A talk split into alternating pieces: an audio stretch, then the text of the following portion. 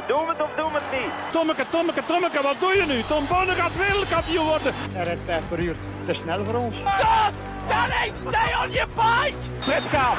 En nog Fred. Chef, doen is iets. Chef!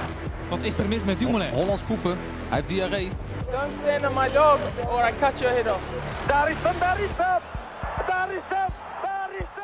Daar is hem inderdaad, een nieuwe aflevering van de Jogclub. Vandaag een man te gast die coach is bij Energy Lab, waar hij ja, een heeltal topsporters begeleidt. Hij is voormalig zwemmer en triatleet en eh, ja, onder meer coach van de Belgische zeilploeg. Welkom Wart van de Kapelle. Dankjewel. Welkom ook Seppe. Merci, Bobby.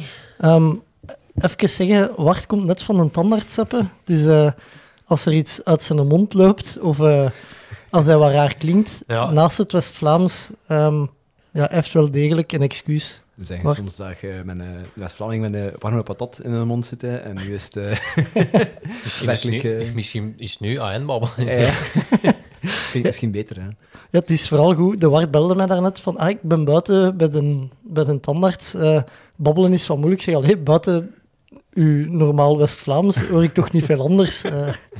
Het compliment. ja, maar ik moet wel zeggen, in het gedrag van de mond zie je wel eh, dat Ah, ja. er nog enige verdoving Het is een podcast met camera's. Dat is, eh, Meer views nu vanaf nu. Ja. Wat hebben ze juist gedaan, Wart? Eh, ja, een tand ontzenuwd. En er moeten Ja. nog een paar ingrepen volgen, helaas. Ja, maar toch, merci alleszins om, u, ja, om toch te willen afkomen. eh, Graag gedaan en sorry aan de luisteraars. De S en de R gaan nog soms een beetje moeilijk. naast de G en de H dan. Ja. voilà.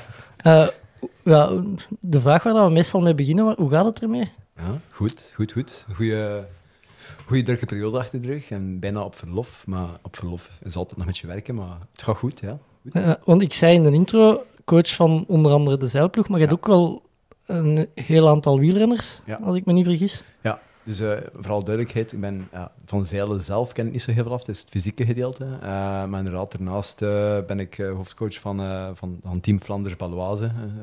Tos voor Vlaanderen eh, wordt nog vaak gezegd, maar ondertussen is de naam iets internationaler geworden. Vlaanderen 2002. Ja, voilà.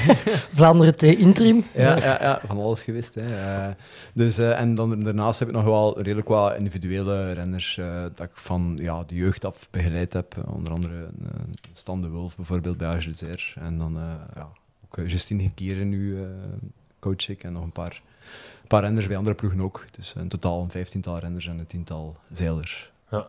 Is dat altijd via Energy Lab of is dat gescheiden? Ja, dat is altijd ontstaan via Enders Lab sowieso. Hè. En, eh, maar er zijn een aantal renners dat ik nu individueel wat blijf coachen. Eh, ja, ik, werk, ik werk eigenlijk zelfstandig eh, sinds kort. Ja. Ehm, maar ja, 90%, 95% is eigenlijk via, via Enders Lab. Ja. Ja, Oké. Eh, hoe komt die in het zeilen terecht eigenlijk? ja, ik ben zelf ja, niet echt, eh, ik kom niet echt uit een zeilachtergrond. Hè. Ik ben, ben begonnen bij Enders Lab in 2012 en eh, er kwam plots een vraag van ja, de federatie die, die zocht naar een, nieuwe fysieke omkadering. En ja, ik werkte toen al bij Enders Lab en ik was vooral inspanningstesten aan het afnemen, maar ik dacht, ja, ik wil wel ook in topsport meer eh, terechtkomen. Dus ik heb me daarin gesmeten om een voorstel te doen. Dat was een voorstel van het Enders Lab, een voorstel van het Bacala en er was nog een andere instantie die ook eh, een voorstel mocht uitwerken. Eh, ik kreeg een beetje die verantwoordelijkheid en ja, zo geschiedde. Een maand later zat ik eh, op een coachboot ergens in Mallorca eh, op het water eh, naar zeilboten te kijken. Eh, ja, dus is eigenlijk van het, de opleiding van LO in, in KU Leuven, Sportkotte, gestudeerd. Heb je natuurlijk wel een brede achtergrond op het gebied van alles die met fysiologie en krachttraining te maken heeft. En ze waren vooral op zoek naar iemand die het, ja, het, het fysieke kon ondersteunen. En zo ben ik daarin gerold. En ja, ik wil het natuurlijk niet alleen doen, ik met een heel team, onder andere Maarten Thijssen van, van Grid, die ook al te gast geweest is, en nog een aantal andere mensen, dat we die, die omkadering eh, voorzien. Eh, En hoe begin je dan? Ga je dan kijken wat die juist doen in die boot? Geef die een hartslagmeter en zie je dan... Oké, Mhm. da- dat is de inspanning waar die op moet trainen. Ja. Zoiets? Ja, sowieso moest ik zelf een beetje research gaan doen, want eh, veel mensen denken dat zeilen gewoon in een bootje zitten is, en, maar dat komt veel meer bij kijken, afhankelijk van welke klasse. Dus sowieso was het heel interessant, die eerste ja, periode, om, om mee te gaan op het water en effectief te zien. Ik heb er ook, ja, hartslagmeter doen ze sowieso al aan op het water, dus sowieso wordt de hartslag geregistreerd. Eh, ik heb een keer gaan zien van ja, welke lactaatwaarder eh krijg je daar. Ook research studies gaan kijken van ja, wat gebeurt er allemaal in dat lichaam als je aan, het zeilen zit. Dus ja, er komt meer bij kijken dan dat je denkt. En het is toch ook wel, het fysieke is meer en meer ook wel echt belangrijk geworden binnen, binnen het zeilen. Ik bij de mannen dat al lange tijd echt allemaal topatleten op fysiek gebied is. Maar dat dat bij de vrouwen nu de laatste jaren, dat in top echt ook wel eh, ja, heel veel met, met fysieke bezig is. Dus, ja. Mooi. Dat lijkt me niet makkelijk om van nul te beginnen. Eh, Ja, ja. Maar denk in andere sporten dat dat ook wel vaak gebeurt, dat iemand komt uit een andere sport die dan eh, terechtkomt bij, bij, bij een sport die, die misschien op het eerste opzicht anders lijkt. Eh, terwijl dat, ja, ook, in, ook in het zeilen wordt er vrij veel gefietst, geroeid. Eh, natuurlijk ook een heel groot aspect krachttraining en core stability. Maar er is toch ook wel een groot stuk eh, ja, cardiovasculair. Eh, en, en ja, die, die principes dat je vanuit, van het triathlon, mijn background, en van het wielrennen meeneemt, kun je ergens ook wel gaan toepassen in, in het zeilen. ja. Dus ja. En, en sowieso in het zeilen, als je kijkt de laatste jaren naar, naar hoe dat atleten werken, ehm, ja, daar is niet, zoals in het wielrennen, 100.000 handboeken waar je kunt zien ja, hoe dat je een trainingsschema opbouwt. In het zeilen is dat, is dat redelijk beperkt en is dat ja, ervaring delen met andere coaches, is dat in de beperkte één of twee boeken te bestaan en wat, wat beperkt onderzoek eh, gaan kijken van hoe kunnen we dat best aanpakken. Eh, ja, ondertussen in die tien jaar dat ik het doe, ondertussen, denk ik, eh, is dat wel sterk geëvolueerd. Wat ik nu doe ten opzichte van toen, denk ik, ja, we weten natuurlijk ook wel wat meer. Maar ja, het is boeiend sowieso om, om, om ook wel ja, die verschillende aspecten te, te zien. Ja, lijkt me ook dat je enorme stappen kunt maken, omdat het er, die fysieke training er misschien tien jaar geleden nog niet zo in zit. En dat je Mhm. dan, Absoluut. ja. dat je dan wel heel groot is. Terwijl je in het wielrennen, Ja. denk ik dat Mhm. iedereen tegenwoordig, vanaf de nieuwelingen, een trainer heeft. Ja. Eh, Ja, ja. Maar sowieso, de, ook de zelffederatie had voor, voordat ik er was ook wel al een fysieke omkadering. Dat was ook vrij professioneel, dus het is niet dat ze van, van, van scratch oké. begonnen. Eh, dat zeker niet. En denk ook de concurrentie, als je in het buitenland kijkt, die zijn ook allemaal wel omkaderd door, wetenschappers en door, eh, door fysiologen en door eh, universiteiten vaak. Dus het is niet dat, dat daar eigenlijk eh, ja, geen begeleiding was. Want ik zie in het wielrennen een veel grotere evolutie in de tien jaar dat, ik- dat ik erin zit. Dat, dat tien jaar geleden vaak nog renners bij de jeugd, dat zeggen 50-50, 50% een trainer had en 50% niet, dat dat, dat, dat nu eh, ja, bijna een uitzondering is dat, dat er geen trainer is. Ik denk dat die, eh, Ja, ja, als ik zie, als wij jeugdrenner waren, deed iedereen eigenlijk een beetje hetzelfde. Op woensdag hadden clubtraining. Mhm. En dan ging je nog twee keer losrijden tussen in het weekend koersen. En dat, dat was het, dat was het zo. Maar als ik nu... Ik, ik rij nu zelf af en toe nog een koers. En ik rijd dan de, de kermiskoers van Bierbeek. Daar zijn mannen aan het opwarmen met ijsvesten aan. Hè. Allee, ja, ja, je kunt die wel aflachen. Van dat twee ronden denk je wel, voor mij. Dus, ja, eh, de, de- ja het, gaat, het, gaat, het gaat inderdaad eh, alleen maar verder en verder. En het is, het is ook wel een zaak om soms eh, de essentie van, eh, van, van de marginal gains te scheiden en niet te veel de focus te gaan leggen op, op die marginal gains. Ik denk dat dat in, in elke sport wel een beetje zo is, dat, dat je vaak moet filteren. Hè. Als je alles toepast dat je kunt toepassen van marginal gains, dan, zit je, dan verlies je het grote plaatje. En ik denk dat dat, dat vooral hetgeen is dat, dat, dat, dat een challenge is op de plank. Ja, wij, wij zeggen vaak zo als iemand zo daarover post van ik heb zoveel watt gewonnen, dat, ja, je moet alleen nog maar op je fiets gaan zitten en je rijdt al 40 per uur soms, hè, omdat je al zoveel watt aan, het- aan het uitsparen bent. Ja, dat dat, ja, ja. Ja. Is dat wel, maar ja, bijvoorbeeld iedereen rijdt tegenwoordig met aerosokken, dus Ja. dat is al geen marginal gain meer. Hè. Het Je is- moet, je moet natuurlijk meedoen, hè. Ja, ja. Ja, ja, dat is waar. Ja, klopt. Ja. In het zeilen is net hetzelfde. Ja, we waren ook eh, in Rio bij de eerste die ijsbaden eh, gebruikten ook meteen na het zeilen om in een vuilbak met, met water, met ijsblokken eh, te, te gaan. En nu ja, zie je dat alle toplanden dat doen. Dus ja, het is, het is gewoon natuurlijk, als je het niet doet op een bepaald moment, dan, dan is het ook een nadeel. Hè. Dus, Ja. ja. Uh, Pogacar zijn ijsbadje gezien in Ja, het ja, eh, ja. kabinetje? Ja, ja, absoluut. Ja. Ja, ik denk wel ja, dat dat waarschijnlijk, zoals ze zeggen, misschien gewoon echt eh, water is met ijsblokken. En ja, als je dan literatuur kijkt, ga je niet veel vinden van zo kort dat dat een effect heeft. Maar wetenschap en de praktijk ligt soms een beetje met elkaar. En dan is het vaak... Ja, we weten ook wel gewoon dat, dat je lichaamstemperatuur zo snel mogelijk naar beneden krijgen aan inspanning. Dat dat echt wel zorgt dat je lichaam sneller in ruststatus komt en je HRV-waardes begint te stijgen, dat je begint eh, je het beter herstelt.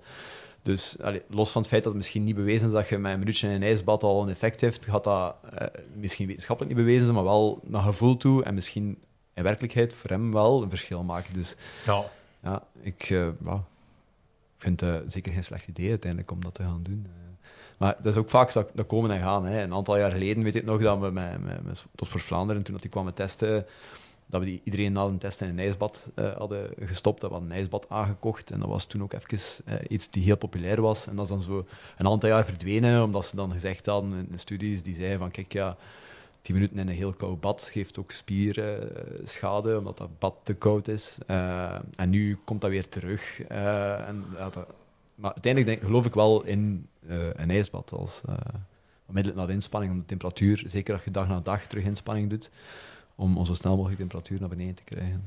Maar ze maakten ook gewacht van cryotherapie Ja. of zo bij Pogacar. Maar Ja, ik denk dat dat heb je daar ervaring mee? Of? Ja, ik zelf geen ervaring. Ik heb het al een paar keer gezien. En, eh, bijvoorbeeld de, op BUC-stage in Belek is er ook altijd een, eh, een, een, een cryo-ruimte. Ehm, dus ik heb er zelf geen ervaring mee. Ik weet dat dat wel ja, iets zou zijn die, die, die naar herstel toe bevorderlijk is. Maar ja, gewoon door het feit dat in de zeilsport en in het wielrennen heel moeilijk toepasbaar is, dacht ik, het heeft ook niet zoveel zin om het dan één of twee keer te proberen eh, op een stage in Belek. eh, ja, dat is meer voor de experience dan, dan dat je het doet om, om echt... eh, Maar en wat, wat is dat juist?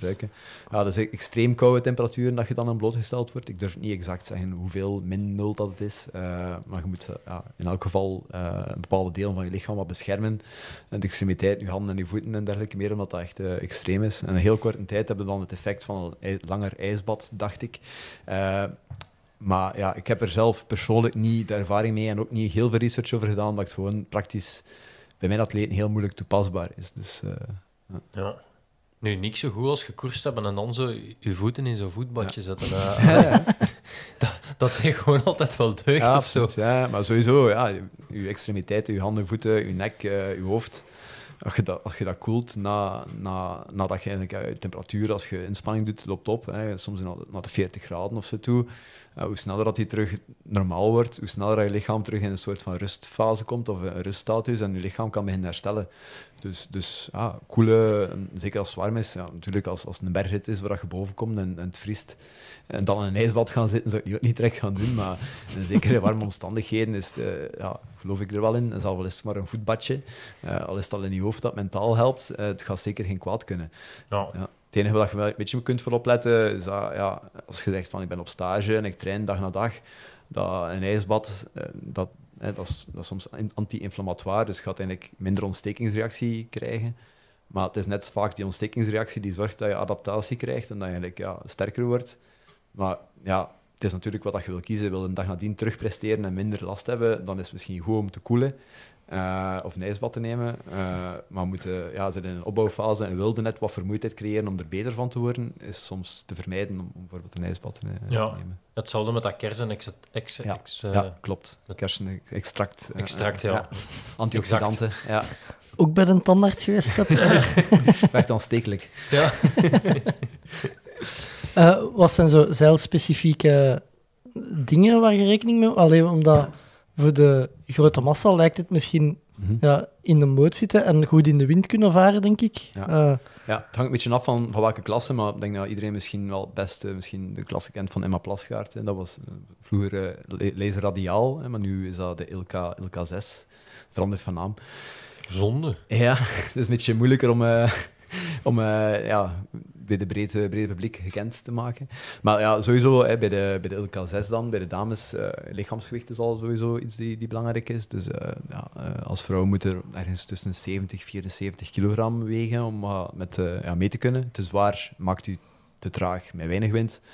Nog zwaarder maakt u ja, wel, eh, zwa- zwaarder maakt je sneller bij, meer wind, maar trager bij weinig wind en vice versa. Dus dat, dat is al zo niet, zo, niet zo gemakkelijk. En je wilt natuurlijk zoveel mogelijk spiermassa creëren. Dus het is wel belangrijk om bijvoorbeeld wel moet leverage te creëren. Want eigenlijk hangen zij met, met hun tenen onder een strap. eh, en hangen eigenlijk met ja, halverwege een, een bovenbenen uit een boot. En de rest van het lichaam is uiteindelijk een soort van een hefboom.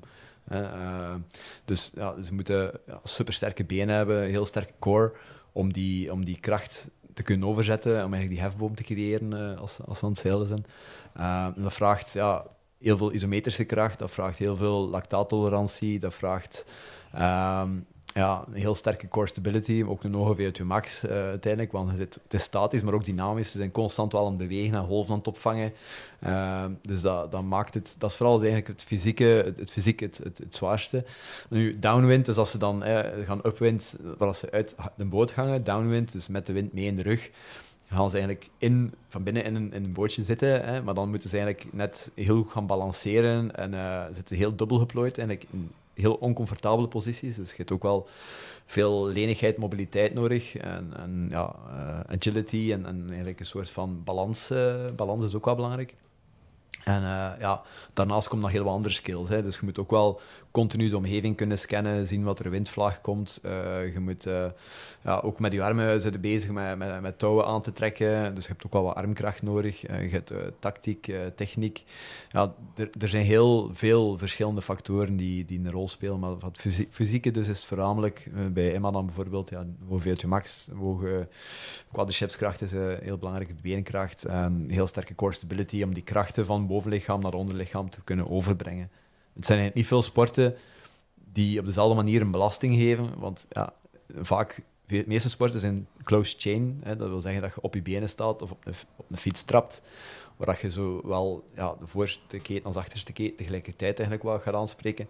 Terwijl bij het zeilen, door dat uithangen, dus eigenlijk met die tenen onder een strap en dan de rest van je lichaam uit een boot, ja, een heel ja, zware kracht op ene kant van je lichaam, hè, wat ze dan uh, open keten noemen.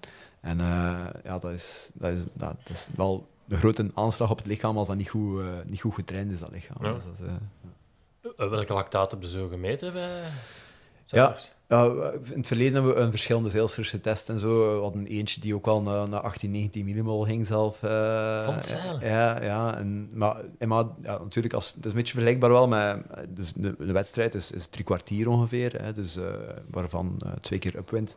Um, bij upwind, ook een studie wijst, wijst uit dat we rond de 5, 6 millimol gaan, 4, 5, 6 millimol. Dus eigenlijk zo wat, ja, voor 5 à 10 minuten boven, boven threshold, als je het in, in, in Mhm. wielertermen zou uitdrukken. Dan downwind is net iets lager, om, omdat je dan weer iets meer recupereert of, of een ander type beweging doet. Um, maar ja, dus je kunt verleiden eigenlijk, als er veel wind is wel, want dat is niet altijd veel wind natuurlijk, dat die, dat die in hartslag en lactaatwaardes continu eigenlijk, alsof dat je een veldrit rijdt, bij wijze van spreken rond de 5, 6 millimol zou zitten, dat je eigenlijk elke Oei. keer uh, wel ja, in die rooi zit en uh, moet, moet gaan recupereren. En dan vaak twee, drie wedstrijden op een dag. Dus dat is uh, ja, recupereren, terug beginnen. Zeker op op winderige dagen is dat, is dat echt wel een vrij zware load. Als je het in trainingsstressscores uitdrukt, hè, wat je soms bij in het wielrennen, we meten ook in, in het zeilen, een zware regatta hebben we vaak wel een 1100, 1200 TSS-score tegen het einde van de week toe. En dat is vergelijkbaar met, met, met wielrenners die, die een rondje rijden. Dat is ook wel vaker dat die rond de 1000, 1200 TSS zitten. Dus uh, ja, qua load kan dat wel tellen. Mooi. Ik verschiet ervan. Allee, je zou dat niet... Mm -hmm je denkt vooral, ja, dat, is, dat is een tactische sport of zo, ja. wind zoeken. Uh... Ja, het kan soms zijn dat een wedstrijd heel tactisch is. Want, als wind stil is. Ja, als wind stil is, is het veel tactischer. Of, of als shifty wind is, of, of wind dat niet het fysieke tal... Want het is, laat zeggen, op, op, op, op tien dagen wedstrijd gaan er misschien twee of drie echt puur alleen maar fysieke dagen zijn, waar de wind heel constant is en waar je eh, enkel dat van tel is. En natuurlijk zijn die dagen heel belangrijk, maar je hebt evenveel dagen dat er heel weinig wind is, of wat heel shifty is, heel tactisch, of dat je moet, ja, de wind constant, draait, of, of de deining, dat je de juiste beslissing moet nemen. Dus het is niet puur dat fysiek alleen. Maar ja, je moet natuurlijk altijd fysiek klaar zijn, hè? Dat, dat wel. Kun je zelf al zeilen ondertussen? ik, heb, ik heb er al een keer, uh, ik heb me al een keer op de boot gezet. Uh, het was geen succes. Het was sowieso bij watersport geen succes. Ik weet nog toen dat uh, in Sportkot we moesten kajakken, dat ik de eerste was die in de deilen ondersteboven in mijn bootje lag. Dus ik heb niet echt een feeling voor het water, watersport, ja, behalve zwemmen. Maar ja, goede zwemmer toch? Ja, je, je was uh, op een triathlon toch vooraan het water ja, vaak, ja, hè? Ik heb, ik heb al uh, behoorlijk niveau gezommen tot mijn 16 jaar. Uh, toch wel, ja, dat was uh, twee keer per dag trainen toch, in die periode. En, en ja, zo net, net niet genoeg voor podium op Belgisch kampioenschappen, zowel Vlaams kampioen en een paar, allee, wel een keer een internationale wedstrijden mogen zwemmen. Maar botste tegen iets te, te goede te mannen. Ik weet niet, ja, dat was de tijd dat Glenn Surgeloze eh zwom met Pierre-Yves Romanini. Dat was zo de, de mannen die toen... Emmanuel van Luchende, die zat bij mij in de, in, de, in de club ook. Die was toen twee jaar jonger dan mij. Maar die begon zoal ja, soms dezelfde tijden te zwemmen als mij, terwijl ik twee jaar ouder was. En op die leeftijd is dat, dat weten, ja, natuurlijk, ah, Emmanuel naar de Spelen geweest, eh, ook wel echt Ja. een, een topper. Dus eh, het was, ik was, ik was oké, maar niet, eh, niet, niet het grootste talent. Ja, wel, wat zwom je? Welke nummers? Ja, ik was vooral eh, een beetje de buitenbeentje van, van de zwemwereld. Ik was een schoolslagzwemmer. Eh Het zijn altijd de speciaalmannen, zeggen ze. Hoe sinds Fretchen is dat toch Ja, ja, het koninginnennummer? ja, dat is waar. Dat, is waar. dat was ook wel een voorbeeld. eh, dat is ook de reden waarom ik begon te zwemmen eigenlijk. eh, dat was eh, inspiratie. Eh, ja, 50 school, 100 school en eigenlijk eh, 50 vlinder, 100 vlinder. Dat was, dat was zo wat mijn, eh, mijn ding wel. Krauw was eigenlijk niet echt eh, aan mij besteed. Dus. Ja. Volgde dan nog hard het zwemmen? Ja, eigenlijk niet genoeg. Eh, ik weet dat, ja, dat nu... Crisis. Ja, terug crisis is. Eh, ja, ik had, ik had de coach al wel leren kennen op BUC-stage. Ik had er wel een goede indruk van. Dus ja, ik weet natuurlijk nooit hoe dat, eh, dat allemaal loopt. Ehm, maar ja, ik, heb het wel redelijk gevolgd toen, na, toen na Emmanuel nog, eh, nog altijd zwom. En eh, ik kende toen ook wel een paar coaches de zwemwereld dat ik eh, op BUC-stage in het verleden wel leren kennen had. Dat ik af en toe wat contact mee had. Dus dan, dan volgde het meer omdat je het ook eh, beter kent de laatste tijd jammer genoeg te weinig. Eh, het is ook een beetje jammer dat dat, dat een beetje ja, slechter gaat nu met zwemmen eh, in België, vind ik. Ja. Er is net de Frans wonderkind op komst. Hè? Heb ik gehoord. Echt? Ja. Allee, ik weet niet juist of het een... Fra- Franstalig of... Nee, nee, een, een Fransman. Die echt zotte tijden nu al zwemt. Op, op trainingswedstrijden. En die, die, ja. Had ik je moeten opzoeken dan. Ja. Ja. Eh, hoe zijn dan in een triathlon beland eigenlijk? Ja, ehm, ja, alles op alles zetten voor, die, voor dat zwemmen. Hè. En dan eh zo'n vierde of vijfde was het op Belgisch kampioenschap, 100 eh, schoolslag. En ja, dan zo van, waarom doe ik dat eigenlijk allemaal? En dan eh, een jaartje gerebelleerd en eh, ja, zo een keer in de zomer eh, goed gefeest toen ik 16, 17 jaar was. En ja, uiteindelijk in de triathlon beland, omdat destijds voor mijn deur in Mullenbeke er een klein triathlonnetje was. En ik dacht, ik doe nog een keer mee. En zo zat ik eigenlijk, omdat ik een goede zwemmer was, direct wel mee in, eh, in de kopgroep. Na, na, en dat, dat fietsen, dat ging eigenlijk ook wel nog behoorlijk. In het lopen, ik kon geen 10 minuten lopen, dus ik, ben- ik heb moeten stoppen met krampen. Eh, maar ik vond het wel tof, dus ik dacht, ik eh, begin met triathlon en zo. En die zijn in een triathlonclub beland. Ja, ik had een heel, heel toffe bende van, van atleten daar, vond ik destijds. En, ja, dat was, dat was een tijd dat dat nog niet zo echt eh, qua, qua, qua omkadering of qua rustige opbouw was dat niet echt eh, rustig. Ik, was, ik had net een koersfiets. De training was meestal 100, 110 kilometer met, met, eh, met een koersfiets op, op zondag. Naar Isegem terug, dat was nog een keer dat was 130, 140 kilometer. Destijds nog met een busje met water en een beetje, een beetje En fris en, of eh, zo, en Ja, grannykoekje. eh, en ik ben vaak naar huis eh, gezwalpt. dat ik stik kapot was, maar ja, het heeft me wel wat sterker gemaakt, dat wel. Maar het was niet, het was niet ideaal. Dus die, De, goeie- de goeie oude tijd. Ja, ja. Maar eh, tegenwoordig echt zotte tijden op Ironman. I- I- Volgens mij komt dat echt puur door, door het voeding. Ja, en dat vroeger iedereen eigenlijk een beetje zwalbend die een marathon aflegde. En dan ja. nu er veel meer op, op Allee. Ja, dus inderdaad, een paar jaar geleden was het al zot dat je richting 90 gram ging. En als ik dat Mhm. hoor, hè, gaan we richting 150 gram. Dat is, dat is gewoon... eh, ja, Ja. Dat, is- dat maakt enorm, enorm verschil. Ik denk dat er inderdaad ook wel een heel groot stuk te verklaren is waarom dat nu zoveel, eh, Ja. zoveel beter gaat. Hè. Je zei daarnet al dat er op tien jaar wielrennen bijvoorbeeld heel veel veranderd is. Hoe, hoe slaag je erin om als coach altijd bij te blijven? En, en... Ja, ja dat, is, dat, is, dat, is, dat is belangrijk natuurlijk. Hè. Ik probeer eh, ja, met andere coaches vaak te spreken. Ik probeer ook wel eh, research te doen, dus te blijven lezen en, en, en vooral te filteren van wat, wat kan er helpen en wat is er misschien hype of wat, wat, wat, is, wat is essentie en wat is bijzaak. Ik denk dat, dat er nog altijd heel veel zaken van vroeger, of laat zeggen, de, de basis nog altijd de basis is en dat je dan kunt, kunt gaan kijken van ja, wat baat er niet, schaadt het niet, wat kunnen we dan toevoegen eh, eventueel. Ehm, dus ja, het, het evolueert uiteraard, maar ja, je babbelt met andere coaches, je leest wat, je probeert eh, ja, af en toe een keer eh, een congres bij te wonen of, of, of eh, ja, wat te zien. Wat, er is heel veel op internet te vinden ook, en dan te filteren. Maar het is altijd wel belangrijk om te filteren en, en te kijken van wat kan ik toepassen. Dus, Ja, ja er is ook heel veel meer meetbaar geworden. Voor, ja, voor zowel trainers als voor atleten. Die HRV's, daar zei ik al Ja. iets van. Ja. Ehm, ja, ik heb dat ook op mijn gsm. En ik zie dan dat men een HRV-laag staat. En dan denk ik, ja, die is al laag. Maar nu, en wat nu? Ja, ja, ja. Wat, wat doen we nu? K- Kun je dat eens uitleggen, wat, hoe dat je daar juist mee werkt? En, Ja. Ja, sowieso. Ik vond, ik vond HRV, eh, heeft me altijd al geboeid. Dat was een van de, de, de onderwerpen dat ik... Dat ik ja, dat was al tijdens de Spelen in Rio, denk ik, dat, dat de Amerikanen zo'n bandje hadden. Dat was een Whoop. Ja. En eh, dat was nog niet beschikbaar voor, eh, voor consumenten. Ik heb dat dan in Amerika gekocht op het moment dat dat beschikbaar was, samen met de Kayak Federatie. Dus eh, ik was een early, zeg je dat? Een founding member. Ja. Dus ik, Ah, ja, kreeg elk, elk, elk half jaar kreeg ik een boek toegestuurd. dus, eh, maar ja, ik geloof heel hard in, in die HRV en er kan nog veel meer mee gedaan worden, volgens mij ook, om te zien. dus ja, HRV, wat zegt dat eigenlijk? Dat, dat is uw, ja, als je meer in een rustfase zit, of eigenlijk meer in ja, ontspannen zit, gaat die HRV hoger zijn. Als je meer in een stresstoestand zit, gaat die lager zijn. Dus eh, je kunt dat doorheen een dag continu meten, maar van die toestelletjes zoals een Aura-ring en een Whoop, die meten dat vaak tijdens de nacht, tijdens de laatste diepe slaapfase. Of Garmin meet dat ook vaak nu al, dat je zo grafisch ziet tijdens de nacht, van dat Ja. die eh, tijdens de nacht geweest is. Dus het is belangrijk dat je dat met je kadert in wanneer wordt dat gemeten. En elk toestel meet dat anders en meet dat op een ander moment. En je ja, laatste diepe slaapfase is best wel een interessante fase, omdat dat dan andere factoren uitschakelt, zoals dromen of zoals eh, ja, eh, dingen dat je in je hoofd aan het denken bent of zo, dat heeft al een invloed.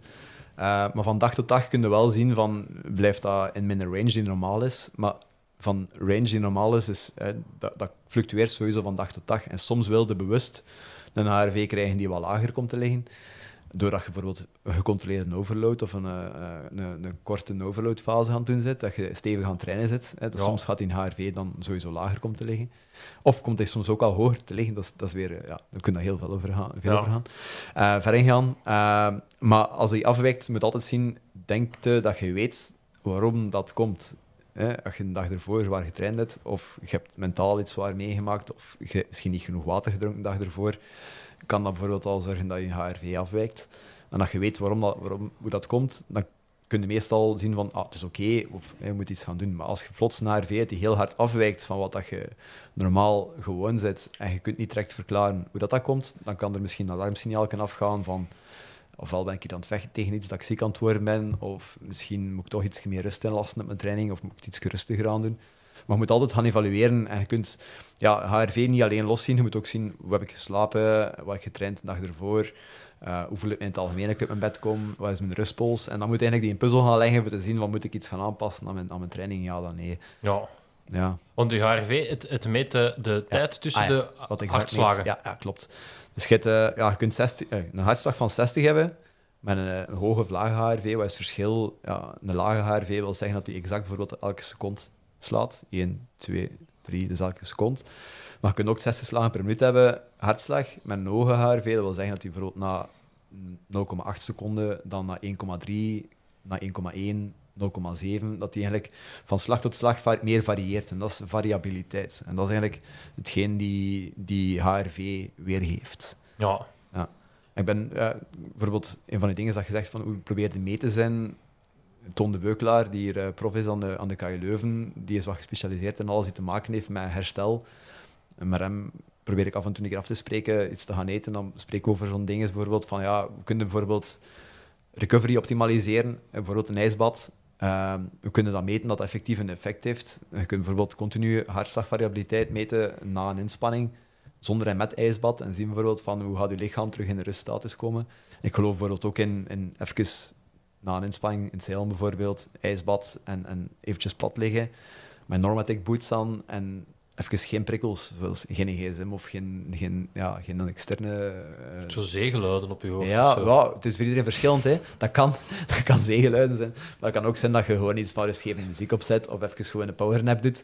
Maakt niet uit hoe dat is, maar ik geloof wel in dat, dat even je hersenen tot rust laten komen en ziet dat die HRV dan wel eh, dat dat een effect heeft en dat je lichaam meer in een ruststatus komt. En als je in een ruststatus komt, kun je beter herstellen van je, van je inspanning dat je gedaan hebt. Dus, Ja. Ja. Ja, ik had dus met een Ironman, ik, mijn laatste blok, ik zeg, ik ga me nog eens, ga me nog eens volledig Ja. naar, de, naar de kloten fietsen en lopen. En mijn HRV was wel zodanig gekelderd dat ik ook wel wat ongerust werd. Ah, ja. ja. het zou ook wel leuk zijn als dat nu terug, terug omhoog gaat. En dat, dat, dat duurde... het is nog altijd niet helemaal eh, Ah, ja, ja. in orde. En dan was mijn ding van, ja, oké, je ziet dat dat dan wel is, hè, dat, dat, dat in, in het zit en in, in, in het oranje. Maar dan dacht ik, ja, ja wat moet ik, moet ik nu doen? Want je wilt ook niet... Ja. Ja, je kunt zeggen, ja, je moet luisteren naar je lichaam, maar dikwijls op, als topsporter, bij mij is dat toch... Je, je doet eigenlijk een heel... Allee, je luistert heel vaak niet naar je lichaam, hè. Je, je, je- Ik denk dat het aan- de coach is om, om te zien van eh, beslissen van eh, ja, gaat door of niet door. Maar sowieso, ja, die HRV, het is ook iets dat in het hoofd kan spelen. Hè. Dat, dat, dat, dat- ja. Ja, tuurlijk. Ik Tuurlijk. denk, ik denk dat ja, als, dat als dat gewoon lager is, maar voor de rest zijn alle parameters oké. Je narsa reageert normaal op training. Je, je wordt wakker met, met het gevoel dat je denkt van ik kan wel terug trainen. Er zijn andere factoren dat je goed kunt evalueren. En die HRV is, Ja. is één, één ervan, denk ik. Hè. Dus, eh, Ik werd er een, een half koers afgereden. Dus Ah, ja. dat, was, dat was ook al niet, dat was ook al niet zo goed. Daarmee dat ik er naar ging kijken en Ja. dat ik zag, oké, dat is misschien... ja, dat zal dan toch wel inderdaad ergens geweest zijn dat iets te veel geweest is. ja. Ja. Ja. het is dan... Het is dan ehm, want ik dacht dan van, ja, oké, moet ik... Moet ik eh, ja, ik dacht gewoon, ik ga gewoon even de intensiteit uit mijn trainingen Mhm. of zo halen. Ik wil, ook niet, je wilt ook gewoon niet zeggen, ja, nu ga ik, Mhm. nu ga ik rusten en dan zo met je Garmin doen. Ja, ik moet, Ja, mag niks doen vandaag. Dat, Ja. dat, dat leek me dan ook niet de oplossing of zo, maar gewoon iets minder intensief trainen. Ja, eh, je kunt eh loads naar beneden halen op verschillende manieren, inderdaad. Hè. Je kunt allee, volume laten zakken, je kunt intensiteit laten zakken, je kunt alle twee laten zakken. En dan is de, ja, het, is, het is de vraag van, had je op voorhand ingecalculeerd om overload te creëren en dat je even minder presteert, dat je daarna er beter van wordt.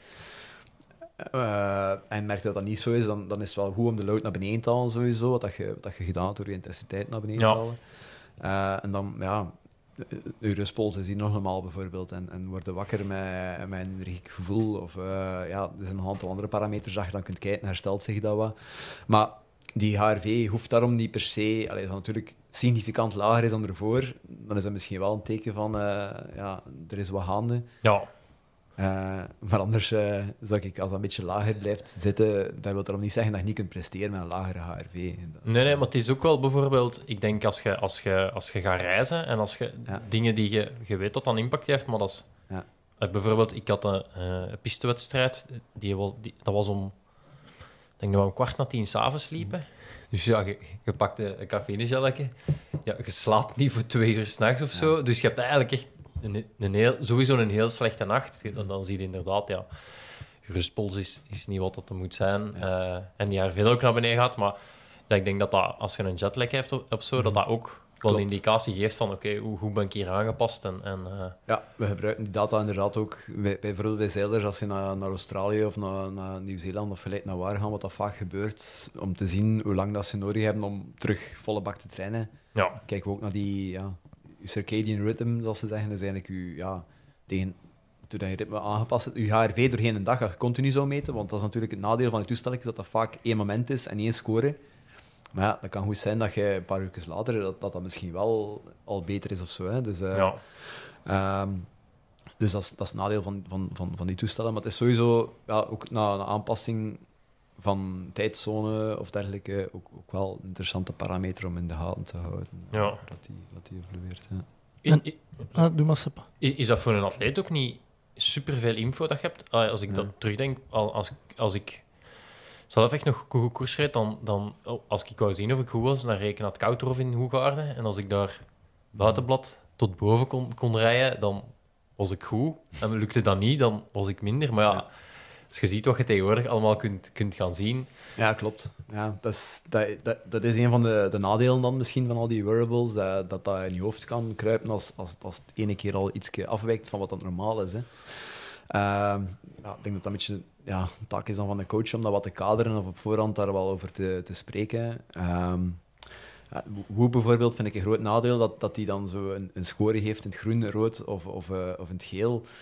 Ja, als dat rood is op een dag dat je wedstrijd hebt, dat, dat wil toch niet zeggen dat dat niet goed gaat zijn, hè, die dag. nee, Ehm, en ik denk dat ja, dat voor een coach interessant is om veel data te verzamelen, maar dat, ja, ik vind nog altijd een gesprek met een, re- met een renner of met, met gelijk wie, of met, ja, gewoon even horen hoe voel het, dat dat nog altijd ook wel heel veel zegt en nog kan gestaafd of, of ontkracht worden met bepaalde data dat je verzamelt, maar dat wat je zegt van hoe dat je uiteindelijk een, een berg naar boven knalt, dat gaat, dat gaat nog altijd wel, eh, ook wel, ja, hetgeen dat je moet doen, is uiteindelijk in een wedstrijd op je fiets hard rijden. En als je Ja. dat goed voelt, is dat het belangrijkste uiteindelijk. Hè? Misschien is het ook niet aan een atleet om er altijd naar te zitten zien, Nee. denk ik. Ja, voilà. Ja, dat is makkelijker gezegd dan gedaan. Hè. Ja, Eh, tuurlijk. Er zijn redelijk veel atleten die dan toestellen die, die daar registreerd afzet of, of niet meer eh, even niet aandoet in belangrijke periodes, om- omdat ze daar niet door beïnvloed willen worden. Wat ik, wat ik begrijp. En dat is een beetje ja, van, van, van persoon tot persoon afhankelijk eh, hoe dat je daarmee om kunt gaan. Hè. Hoe dat je daar al dan niet naar, eh, naar kijkt. Ja, ah, ik heb wel het gevoel zo dat, de, dat de nieuwe generatie dat die daar veel meer mee grootgebracht Ja. zijn en dat normaal vinden om veel parameters te hebben. Terwijl dat, dat ja, denk zo de, de oudere generatie wielrenners, dat dat veel moeilijker is, omdat die altijd zoiets hebben, en dat moeten we ook nog gaan extra doen. Ja. En je moet alles gaan afwegen en je calorieën tellen. Ja, ja, ja. En Ja, klopt. je hebt je vermogenmeter en je ziet toch vaak, ik weet dat Ma- Maximum voorbeeld, die plakte op zijn SRM plakte die zijn vermogen af omdat hij dat niet wou zien. Dat, Ja, zou, dat- dat zou Walter Plankaart nog altijd graag eh, hebben, denk ik. Ja. Af en toe. Ja, ik heb, ik, ik heb voor, als ik mijn Ironman doe, heb ik ook altijd één scherm waar ik geen vermogen op zie. Ja. Omdat ik eens... ja, Ik ben echt eens op mijn fiets gesprongen en dat ik naar mijn vermogen keek. Ik dacht, Ah, ja, als het niet, niet juist gecalibreerd is, dan... eh, Ja, en ook gewoon dat ik echt... Ja, gewoon... Ja, dat was in Cozumel, dus ik, ik was echt gewoon niet goed aangepast. ja. En ik dacht echt, amai, hier ga ik niet gelukkig van worden, van dat vermogen. Ik moet, ik moet gewoon Ja. snelheid en kilometers hebben en ik zal wel gewoon zo hard mogelijk fietsen. Ja, maar het is inderdaad, ja, het is, het is ook, ook daar, hè, ik weet nog, tien jaar geleden dat ik meeging op stages met, met ploegen, dan moest ik eh, na de training de SRM verzamelen. Dat was nog niet automatisch gesynchroniseerd, je moest aan de computer hangen met een kabeltje. Dan had ik eh, een zak met 20 SRM's mee naar mijn kamer om die één voor één online te zetten. En knippen en plakken, dat was nog eh, een heel gedoe, dat was een uur en een half werk voor eh, gewoon al die files online te hebben. Ja, En dat was echt ja, achter de renners gat zitten om, om die data te kunnen krijgen. Terwijl dat ze nu, ja, dus gewoon thuiskomen van training, eh safe en hup, het staat online. En ze kijken zelf ook veel meer geïnteresseerd ook in de data. Dus dat, is, dat is wel...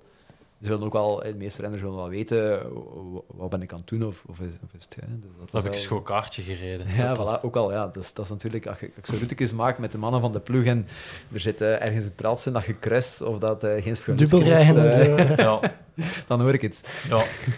Nee, ik, ik ging, eh, als we waren met Robea eh, weg en ik ging 's morgens lopen. Ja. En ehm er waren wel mannen die zeiden, ja, je gaat altijd 's morgens lopen. Ja, wij willen mee, wij willen mee. Ik zei, ah ja, dat is goed. Ehm, dus ik ga met, met doen lopen. Maar ja, die, die, die liepen iets trager, dus ik had, ik had redelijk traag gelopen. Dus ik druk op stop. Ik slag op. En ik krijg al direct een sms van mijn trainer. Zijn je geblesseerd? Ça va? Wat? Ja, eh, ik liet dat dan direct zien aan die mannen. Ja, die vonden natuurlijk Ja, ja, ja. super grappig dat dat niet eens, een- dat dat niet eens een training was voor mij. Maar het is inderdaad wel zo, zo snel. Ja, ja.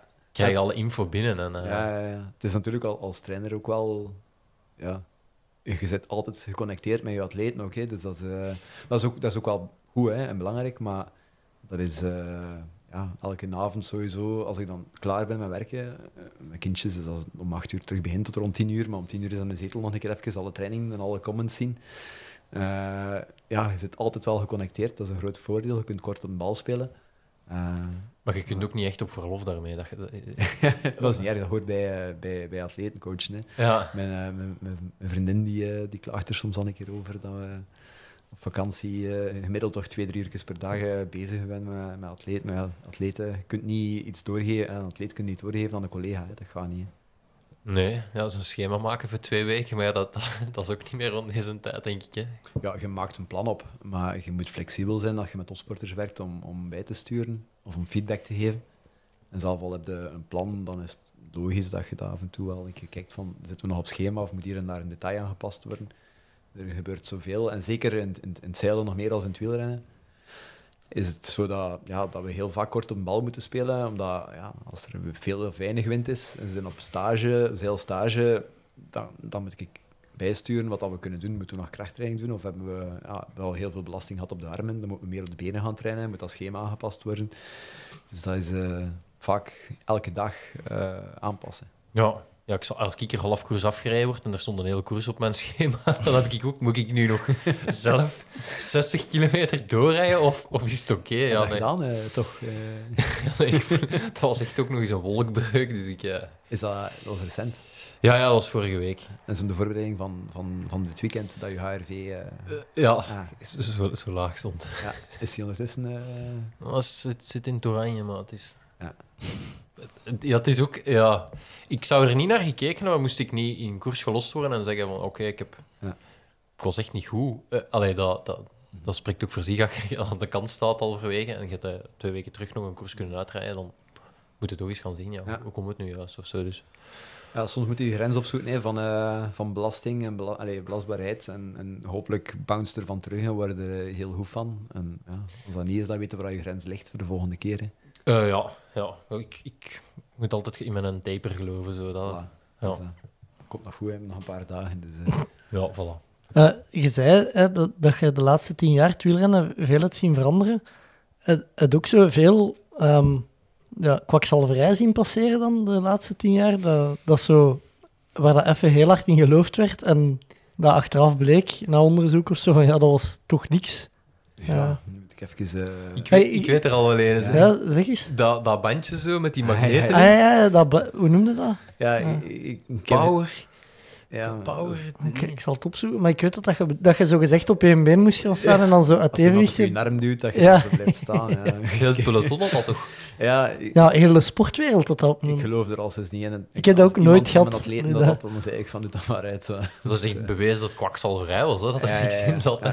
Nee, ik heb dat toen met de lijst nog eens op de jaarmarkt in Leuven. Heeft zo, ik weet niet, een en op een of andere stand dat ons proberen aanlappen. Ja. En dan moesten we ook zo op één been gaan staan. En ik weet dat ik toen direct tegen de lijst heb gezegd: Lijst, jongen, wat zijn we nu? Allee, ziet ons hier nu staan, dat kan toch niet? eh, dat- Ja. ja. Nee, maar ik, ik, ik Ja, Roy- denk ja. bijvoorbeeld rode bietensap of zo. ja, Is dat, dat... was, dat was toen eh, al, alleen maar van de Pajottenlander was dat toen, hè, dat, dat de meeste nitraat bevatte. Dat was eh, een onderzoek van, eh, van, van toen Peter Hespel, denk ik, de KU Leuven. Dan moesten een halve liter naar binnen. Ik weet niet als hij dan eh, misschien aandelen of zo had ervan, want dat was, ja, natuurlijk, het onderzoek was gebeurd met Pajottenlander, eh rode bietensap. En dat, ja, hier in Pajottenland, of dat is in Pajottenland gekweekt zeker dan die rode bieten, maar daar in de grond zat er redelijk, redelijk veel nitraat.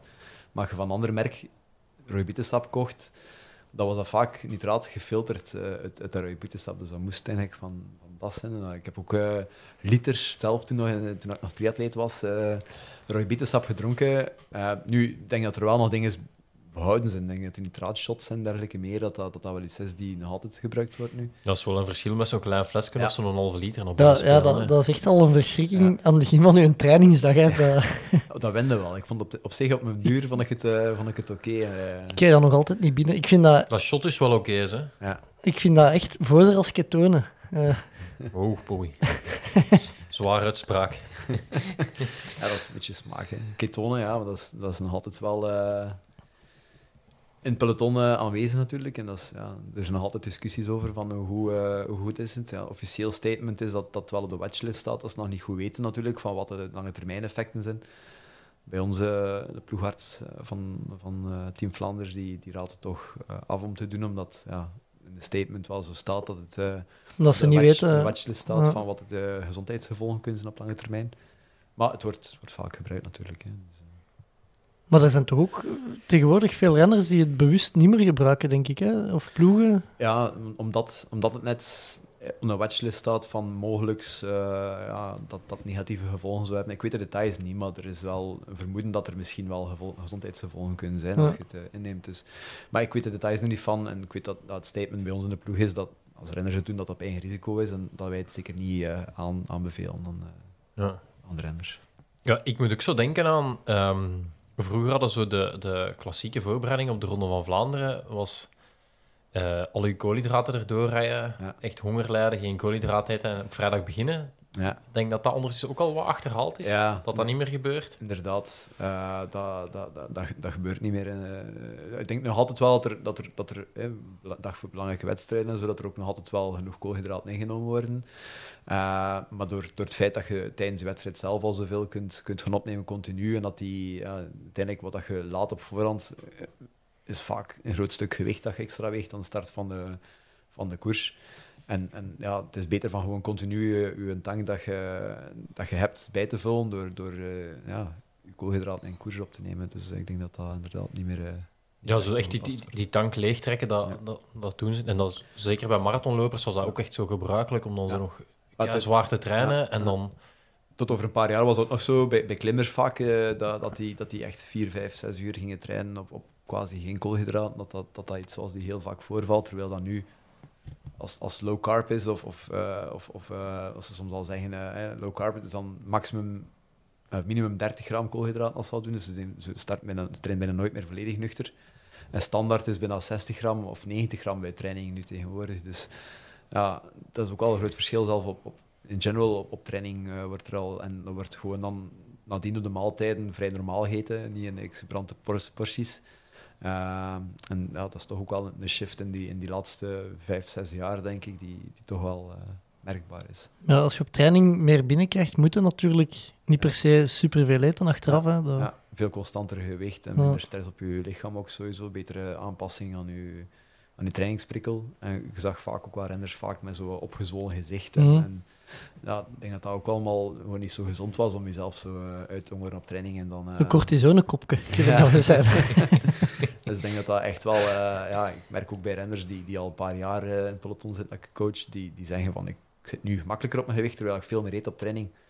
Eh, ja, die veel minder moeite moeten doen om, om, eh, om, om scherp te staan, doordat ze net meer op training eten. En Dat is, eh, Ja, inderdaad. En ook zo, zeker als je dan die laatste week dat voor dat was, dat was ook gewoon niet tof, want je, ja.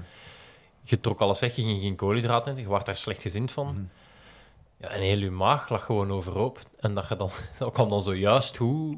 Als je op zondag wedstrijd had, kwam Ja. dat zojuist goed. Maar dat was ook altijd wel van... Ja. Plus, je hebt die laatste week echt... Ja, je zou beter ontspannen zijn. En, en, en Ja, ik geloof Even- ook wel sterk in dat ontspannen naartoe leven en, eh, en eh, goed voelen in je, in je vel is, is een groot stuk eh, psychologische die, die, die niet mag onderschat worden. Hè. Voor te presteren is dat ook wel super belangrijk. Dus. ja, Ehm, iets dat mij opvalt, je als early adapter van de Whoop, je hebt hem niet meer aan. Ja, ik doe hem nog in periodes aan. Hè. Ah, ja. Eh, maar ja, ik, ik weet wel, ik weet al, het is wel vrij goed wat dat bij mij de negatieve factoren zijn voor, eh, voor de red recovery. Eh, Ik, altijd als we op vakantie zijn en er is gedronken geweest, dan zeg jij wat dat een impact van Ja. alcohol op je slaap is geweest. Ja, die is, die is vrij groot. Maar dus ja, ik, het is nog altijd wel boeiend om het af en toe terug aan te doen. Ik vind het nog altijd wel leuk. En ik geef ook wel sessies voor bedrijven. We hebben zo een aantal trajecten Lab waar we werknemers eh, een woep laten dragen. En ik, ja, voordat ik zo'n sessie geef, doe ik hem altijd terug even aan om de nieuwe features, het af en toe aan nieuwe functies en zo, dat je het allemaal goed kunt, goed kunt uitleggen.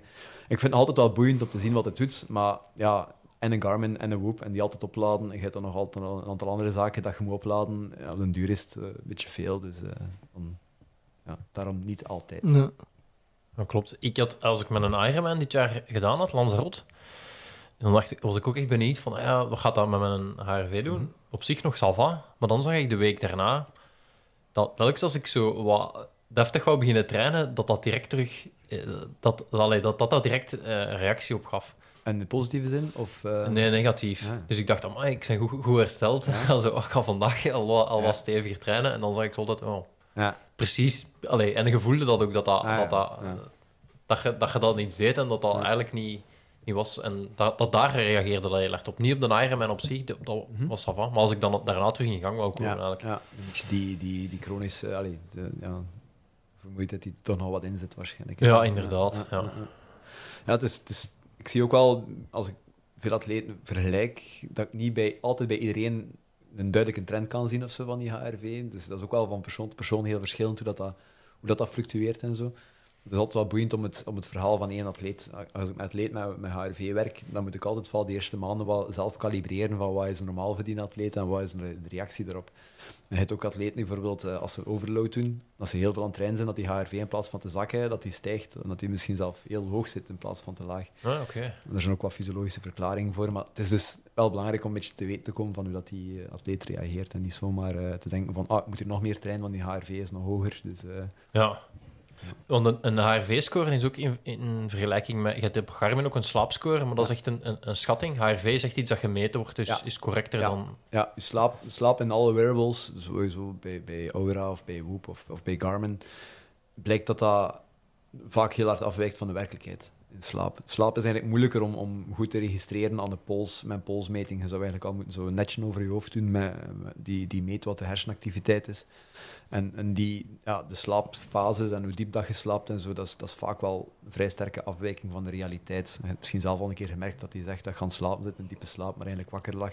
Een Ja, als, als je op, aan je bureau zit of zo, s'avonds of in de zetel, dan zegt je vaak dat je al Ja. je slaap begonnen is. Hè. Dat, Het moet zijn dat je heel rustig zit, dat je ja.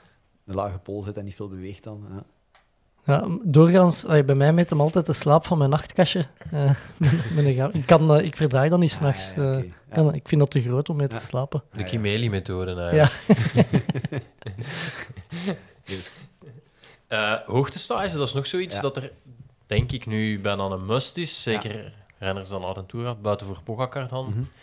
Hij heeft er nu gedaan, hè, dit jaar. Maar ja, de, Eerste de keer. De eerste keer. beloofd. wat straf is, de eerste keer pas. ja. Ja. Ehm, ja, lijkt mij ook iets... Daar heb ik zelf niet zoveel ervaring mee. Maar ik, ik hoor heel veel sporters die dan dat hebben en dan Ja. een hoogtetent zomaar even op 3000 meter zetten en dan Ja. zeggen... Allee, die, die er niet echt een protocol Ja. aan vast hebben. En het Ja. lijkt mij ook wel iets heel gevaarlijk om... Ja. om eh, Ja, sowieso. Allee, ik moet- moet zelf, het is nu een aantal jaar dat ik veel renners heb die, die op hoogtestage gaan. Denk dat ik in het eerste jaar misschien ook hier en daar een keer een fout gemaakt. En Nu weet ik wel, heb ik een goeie, allee, ik denk wel een goed protocol. Dat ik weet van, ja, iedereen er is, is een responder. Iedereen komt er beter van. Ik denk dat niemand er eigenlijk slechter kan worden als je alles respecteert van, eh van voorwaarden. hè. Dat gaat over ja, bloedcheck vooraf, eh ijzerinname en een supplementenname voordat je al vertrekt op hoogte zien dat je geen infecties hebt of niet, eh, niet ziek zit of, of niet aan het herstellen zit van iets eh, als je vertrekt op hoogte. Mentaal er goesting in hebben en, eh, en ook wel ja, willen op hoogte gaan. Dat is ook wel belangrijk, want als je niet goed voelt in je vel, is ook al gebleken dat je, dat je respons niet goed is.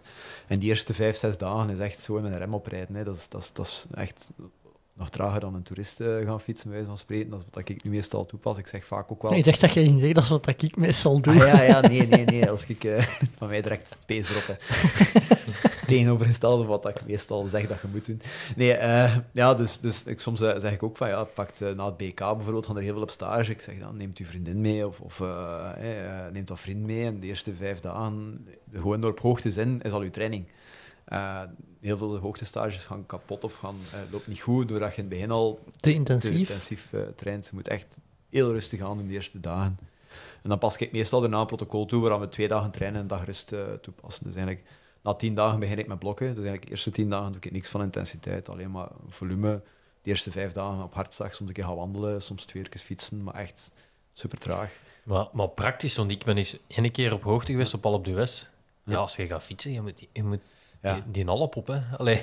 ja, en dan de verzetjes steken, dat je, dat je nog altijd, als een toerist, naar boven kunt rijden, dat je niet... Ja, die, die mannen van, van de sport, die steken expres een ander verzet, dat ze, dat ze echt heel rustig kunnen rijden naar boven. Of die pakken, ja, als ze een plaats zitten, soms een auto naar beneden om, om beneden te gaan trainen.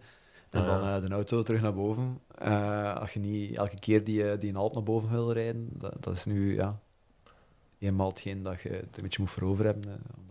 Ja, toen was er ook nog niet zoveel over geweten, over Ja. hoogtestaan. Ik, ik had er eigenlijk niet over nagedacht dat dat op, dat dat op hoogte was. Dus ja, ik ging daar voor, voor hard trainen. Hè. Ja. Dat, dat ging niet zo goed. En eh, ik weet dat mijn, vrouw dat, dat die naar de bakker ging en terugkwam zo...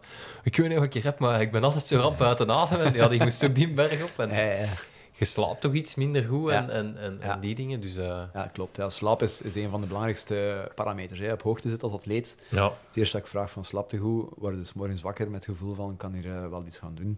Dat is al een van de belangrijke subjectieve parameters. Ehm, en dan ja, checken we saturatie, zuurstofsaturatie, response, eh, ja, eetlust en dergelijke meer. Eten bijvoorbeeld is super belangrijk hè, op hoogte. Je absoluut niet het doel hebben om af te vallen. Hè. Als je caloriebalans negatief is, dan je verbruikt sowieso al meer op hoogte, maar als je dan nog een keer probeert af te vallen op hoogte, je lichaam heeft energie nodig om, om, om meer je bloedcellen aan te maken, om, om sterker te worden van die hoogte. En als je dan ja, negatief in caloriebalans zit, krijg je niet die adaptatie en gaat je, gaat je zelf in de vernieling eh, rijden. Dus Ja, dat heb ik gedaan, denk ik. Maar iedereen heeft er wel baat bij, want ik hoorde denk ik in de week Ja. nog, dat het ging in de tribune over Pogacar en dan zei een van de journalisten Als er Ja. geen eh, effect van is. Hè. ja, dat er soms geen responders zijn. Ik denk persoonlijk dat als je het juist doet, dat, er, dat, dat iedereen respons is, nu, responder is. Maar ik denk dat er sommigen wel veel meer respons hebben dan anderen. En dat, dat je ook wel geen fout mocht maken. En al die, en ik heb zo'n checklist van dingen dat je moet in orde brengen.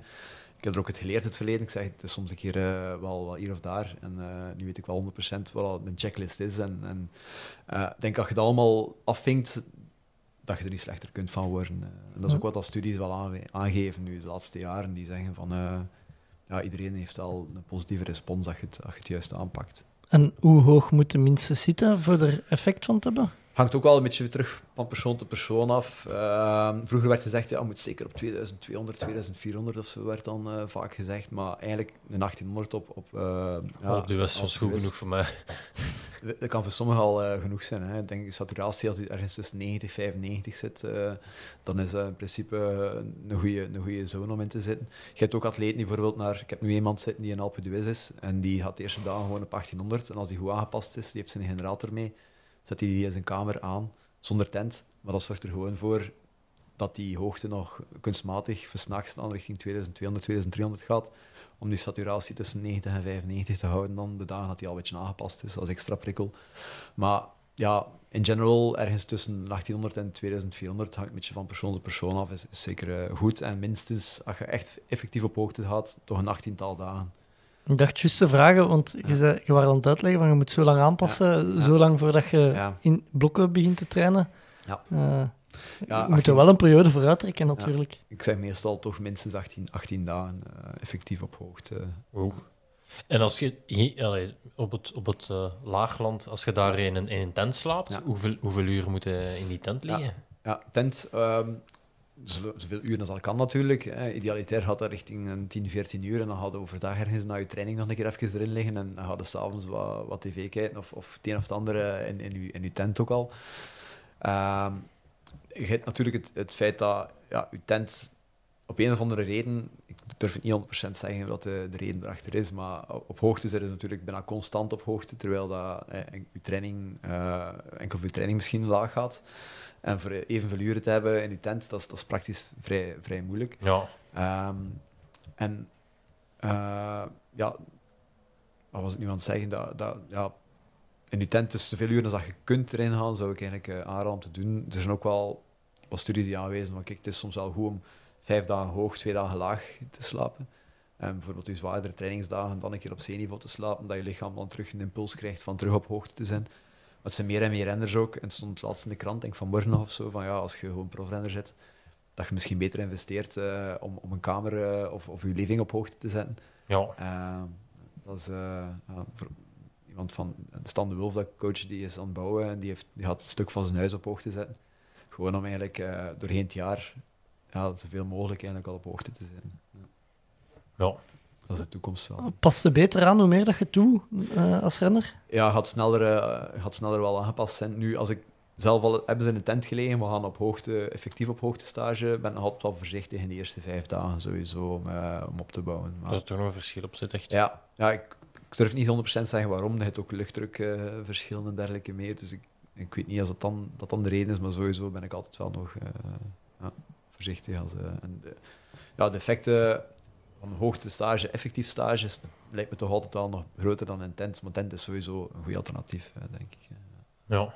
En eh, er is ook al, er wordt veel gezegd over zo, het terugkomen en goed zijn. Hoe zit dat juist? Ehm, Ja, dat is ook weer echt wel verschillend van persoon tot persoon. Een van de dingen is dat ik nu gemerkt heb de laatste jaren, en ook wel wat gestaafd is door andere trainers, die zeggen van de laatste dag dat je op hoogte zit, dat is vaak traditioneel op stage. De laatste dag stage is nog een training van 6, 7 uur.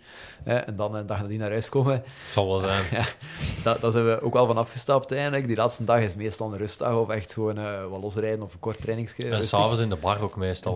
Vijf. Dat was de laatste dag, vijf, ja, voilà. Ja.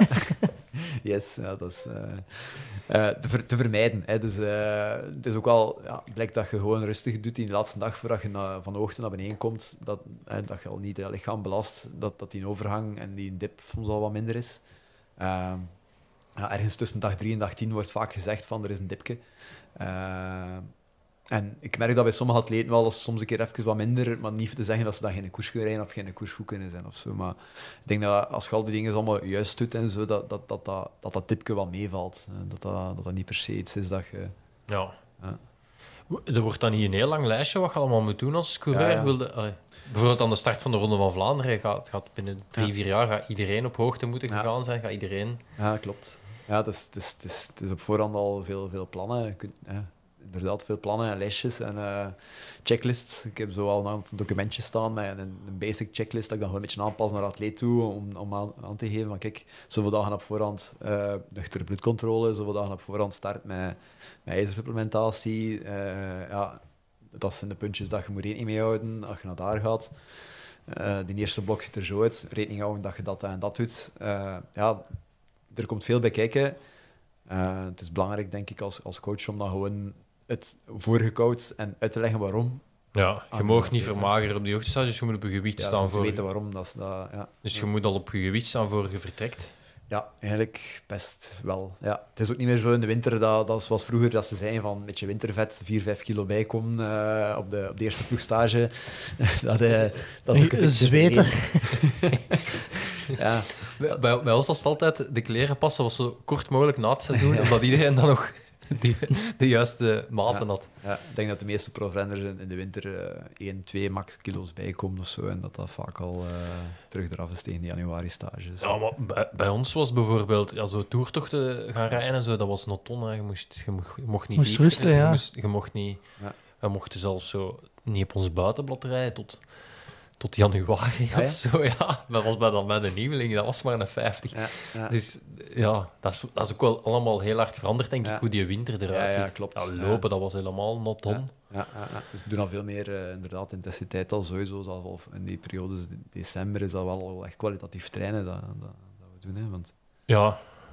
Ja, voilà, ik denk dat het... eh, Maar ja, tegenwoordig wordt er ook al eind december, begin januari al terug gekoerst gewoon. Hè? ja, het, wordt Dat- al, het seizoen start vroeg, hè, dat, eh, dat klopt. Dus, ja. En als je pech hebt en je moet nog in China gaan rijden op het Ja. einde van het seizoen, ja, Ja, dan... ja, ja, ja, klopt. Ja. Ja. Ja, het seizoen is inderdaad, het begint, begint vroeg. En, en ja, als je de start wat mist, omdat je zegt van ik ga wel later wel eh, op, op toerental komen, is dat is vaak, vaak moeilijk. Hè. Ja, je ziet dat ook aan, aan de standraces. Dat ik bijvoorbeeld elk jaar rijd. Ja, daar deden altijd wel profrenners aan mee. Maar nu zijn die echt goed. Allee, dus ja, vroeger ja, dan konden ze nog wel mee, omdat dat waarschijnlijk de eerste keer was dat die wat dieper gingen. Ja, ja, klopt. Nu zijn die echt wel goed en vinden die ook gewoon een interessante prikkel om, om anderhalf uur... eh, Ja, ja, klopt. Ja, meestal ga ik zo ja, globaal, hè, dat ik mijn renners in november starten, is dan nog eh, vrij basic in november dat ik ze nog redelijk vrij of een beetje flexibel om een keer te mountainbiken of iets anders te doen. eh. maar in december gaat bijna iedereen op stage. Ik denk eh, dat, dat, dat, dat je niet veel renners in Vlaanderen gaat vinden dan. Eh, en echt al kwalitatief trainen. En die moeten ook al, eh, al eh, een paar, paar all-out testjes doen en een paar stevige trainingen. Uh, voordat ze al op, uh, op stage gaan in januari. Want als het januari stage is, dan, dan starten we net direct nadien is het al Marseille, Bessège, de koers in Mallorca. Het begint uh, snel. Ja, ja. Dat Ja. klopt. Ehm, hoe moeilijk is het voor... eh, hoe hoe is het? Flanders... eh, Flanders Baloise. Flanders Baloise, zo internationaal. Ik wil daar Eh, altijd nog Mercator bij zeggen. Ja. dat mag. Eh, voor voor eh, nog... Ja, het is, eigenlijk is het een doorstroomploeg, hè. het is een opleidingsploeg. ehm, om nog de jonge talenten aan te trekken, want Ja. als je ziet de tendens van op 18 jaar naar de World Tour gaan, kan eh me voorstellen dat dulle werk wel wat bemoeilijkt wordt. Ja, dat, dat klopt. Maar renners die, die sowieso al op heel jonge leeftijd echt super top zijn, die, onze, onze ploeg is daar ook misschien niet, niet, niet per se de plaats om dan te zijn. Als die rijp zijn voor naar World Tour te gaan, dat, dat, dat, dat is, dat is oké, dat is goed, dat, is top. Ik denk dat er wel nog altijd veel renners zijn die misschien iets meer tijd nodig hebben. En eh, ik denk, dat, hè, dat er genoeg al bewezen is in het verleden dat, dat we wel renners die misschien nog net iets niet helemaal klaar zijn voor die World Tour, maar wel ja, als ze te snel naar World Tour zouden gaan, dat ze misschien een paar keer een kans krijgen om, voor een koers uh, voor resultaat te gaan. Als dat niet lukt, dan geraken ze ergens in een uh, opvulbakje die, en, en uh, moeten ze vaak ja, een koers al vroeg op kop gaan rijden bijvoorbeeld. Dan kunnen ze een eigen, kans of een eigen capaciteit niet meer laten zien. En ik denk dat wij daar met, met Team Flanders Baloise wel ja, de ploeg hebben om toch wel te laten zien wat, dat, wat dat je kunt. En verschillende keren de kans te krijgen, rustig, zonder druk eigenlijk, je- jezelf te ontwikkelen. En wij zoeken dat ja, de laatste jaren veel meer. We zijn ook heel veel met data bezig. We volgen elk jaar een twintigtal renners op, eh, als het er niet meer is.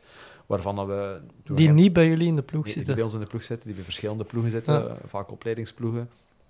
En eh, die, ja, dat we kijken van waar zit er potentieel en is misschien nog niet 100% eruit gekomen of zo, of, of het zijn nog niet te veel winnaars, maar hebben wel het potentieel om, om, om op termijn door te groeien. Eh, dat kan zijn omdat ze, ja, met COVID was natuurlijk een goed voorbeeld, dat, dat er niet veel koers is geweest. Of klimmerstypes die geen kans krijgen om, om koersen bergop te gaan rijden. Of eh, renners die, die ja, ik zeg maar iets, eh, ziek geweest zijn of zware blessures gehad hebben. En dat je weet van, oké, dat zit er wel in. En die proberen we echt wel eh, te gaan detecteren door talentdetectie en vooral die data te gaan analyseren. En dat we dan van die 20 renners laten we af en toe een keer langskomen voor een inspanningstest. Kijken we van, klopt dat wel met wat de data? Want niet elke powermeter is daarom altijd correct. hè. Eh, Oh, ja, rotor is toch... eh, dat is altijd een van de vragen dat we stellen, welke powermeter? En als het rotor is, dan eh, weten we al dat we een beetje moeten corrigeren hier of daar. ik ben jaren betot geweest. Ja. Dus allee, op die manier proberen we dat te doen. En eh, ja, ik denk eh, dat we, dat we wel al een paar gasten eruit gehaald hebben die, die dat, dat, dat misschien niet in de World Tour ploeg zouden geraakt zijn zonder dat ze bij ons hadden, hadden geweest. Hè. Ik denk uh, Rune Hergots, hè, die, die, die, die, die was eigenlijk ja, niet meer welkom bij, bij, bij Lotto toen uh, destijds, U23. En dat was moeilijk om, om ergens nog, ja, wel twijfel nog wielrenner te worden. En dankzij de ploeg als Sport Vlaanderen is die toch, uh, toch. En zo hebben we nog wel een aantal renners. Camille Bonneux, die vorig jaar twee koersen heeft gewonnen, die had eigenlijk het jaar ervoor en de jaren voordien en puur op uitslagen, hadden niet, wist niemand wie dat, was. Hè, maar dat is wel iemand die, ja, dat op basis van die data en die screening gezegd hebben van dat is iemand dat we echt voor willen gaan. Dat vind ik ook super boeiend, om echt wel die mannen te gaan vinden, dat we weten van oké, okay, als we daar en daar en daar nog bij doen, of proberen te, ja, een bepaalde richting te krijgen, dat, dat, dat die kunnen uitstromen. Ja. Ik, ik denk dat je de laatste twee jaar, en het gaat volgens mij in de toekomst ja. nog, nog moeilijker worden door de, ja, noem het, de development teams van ja. de alle Pro Tour team, waardoor dat je eigenlijk gewoon... Nu, ja, die hebben eigenlijk gewoon een reservebank nu rondrijden. Ja, klopt. Dat, is, dat maakt het moeilijk, hè. Ja, die een beetje hetzelfde, dezelfde renners. Ja. Nu, we hebben wel met een aantal ploegen, World Tour ploegen, een goed contact, uh, waarbij dat niet al die renners van die, van die ontwikkelingsploegen die krijgen de kans om, om direct prof te worden, bijvoorbeeld, of er is geen plaats. Of die krijgen beloftes, maar die worden niet nagekomen of zo, bijvoorbeeld. Of hè, ze zijn nog net niet genoeg om die stap te maken. Uh, zijn wij wel een goede tussenstap. Want wij zijn geen ploeg die die renners willen houden en die willen uh, elk jaar meer contract geven of zo. Nee, we willen net dat renners ontwikkelen en dan terug doorgaan. Dus in principe zou iemand die bij een development team zit, die daar misschien zo wat, ja, niet meer verder allergrootste koersen kan rijden, maar wel klaar is om eigenlijk wel de Ronde van Vlaanderen en zo mee, mee, te, gaan, mee te gaan doen, maar net nog niet in die World Tour ploeg binnen kan, zou die wel 1, 2, 3 jaar bij ons kunnen rijden, bijvoorbeeld. En dat is, dat is nu... We merken wel dat, dat er redelijk wat renners zijn die vorig jaar misschien nee zeiden, omdat ze zeiden, maar we zitten in dat development team, die nu wel zeggen van ja, ik wil ook wel mijn eigen kans kunnen gaan en, en die tussenstap uh, gaan zetten. Ja, Um, is zo het belang van een goede inspanningstest doen, is, is, dat, is dat ook niet belangrijker en belangrijker aan het worden? Mm -hmm. Je hebt, ja. je hebt Zwift en zo, waar, waar ze uh, ook ja. gewoon... Jay Vine. Ja, ja maar, dan, maar dan even goed hoor ik wel zeggen in de Tour bijvoorbeeld, dat ja, Jonas Vingegaard niet ervaring heeft om, om een finale te rijden in, in een vlakke kopgroep, dan denk ik, ja, inderdaad, dat zie je wel en dat, dat, dat heeft hij waarschijnlijk wel gemist, terwijl dat... Terwijl dat ja, wij dat van ons 15 jaar zo van die, van die onnozel finale rijden. Um, dat klopt, data zegt niet altijd alles. Hè. Uh, maar tegenwoordig, een, een inspanningstest moet dat zien als een beetje, als je, als je een film hebt, dat je een foto trekt van de film, dat is momentopname. Je weet ook, een paar dagen later, een paar dagen vroeger, dat, dat kan altijd wel een beetje fluctueren, of, ja. of eh, in welke fase zitten van je opbouw. Maar tegenwoordig met die powermeter en, en software zoals WKO5 dat we gebruiken ook, daar kun je eigenlijk dynamisch zien van hoe evolueerde en wat kun je bijvoorbeeld na 2000 kilojoules, als je al stevig gekoerst hebt, wat kun je dan nog? Uh, tegenwoordig met die data kun je daar al superveel uit halen. Ik zie een inspanningstest, zie ik persoonlijk vooral als een verificatie van klopt dat al wat we zien in die data dat we binnenhalen van die atleet. En ja, voor, trainingszones of voor bepaalde details van eh, voor fatmax of dergelijke, of moeten we misschien iets meer detail hier of hier of training leggen, kunnen dat wel als, als interessant zien in een inspanningstest. Uh, maar tegenwoordig bijvoorbeeld een power, duration model, dat is het dan nu heel vaak gebruiken, ook in plaats van inspanningstest. Als je daar een aantal waarden op zet van 5 seconden, een minuut, 3 minuten waarde, 5 minuten waarde, 15 minuten waarde, kun je eigenlijk bijna heel je fysiologisch profiel gaan bepalen. En dan doen dat bijvoorbeeld onze renners in december op stage al wat veldtesten doen om, om op die manier al te zien van waar staan ze. Uh, maar inderdaad, koers inzichtelijk. Jay Vine, zoals dat gezegd. Uh, en ook een meisje, Justine Hekire, dat, dat coach, die, ja, die heeft het eerste jaar als ze koerste heel veel moeten leren, omdat ze niet wisten dat ze een peloton moest rijden en dat ze moest positioneren. maar bon, als je weet dat er fysiologisch een toptalent inschuilt, dan kun je de rest wel leren, ja. Ja, Remco ook, als je dat ziet, hoe, ja. hoe, welke stappen dat hij heeft gezet ook. Ja. Vallen. Inderdaad. Maar bijvoorbeeld, ik weet dat Mark Cavendish, die zegt van zijn eigen, ik weet niet of ik deze dagen nog prof zou worden, omdat mm.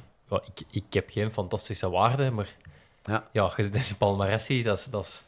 Ja, dat is fantastisch, hè, inderdaad. Het test zegt niet altijd alles. Ik, zie, ik zou ook soms versteld van sommige atleten, wat als ze halen resultaat, als je de, de, de waarden ziet. En ik vind dat soms...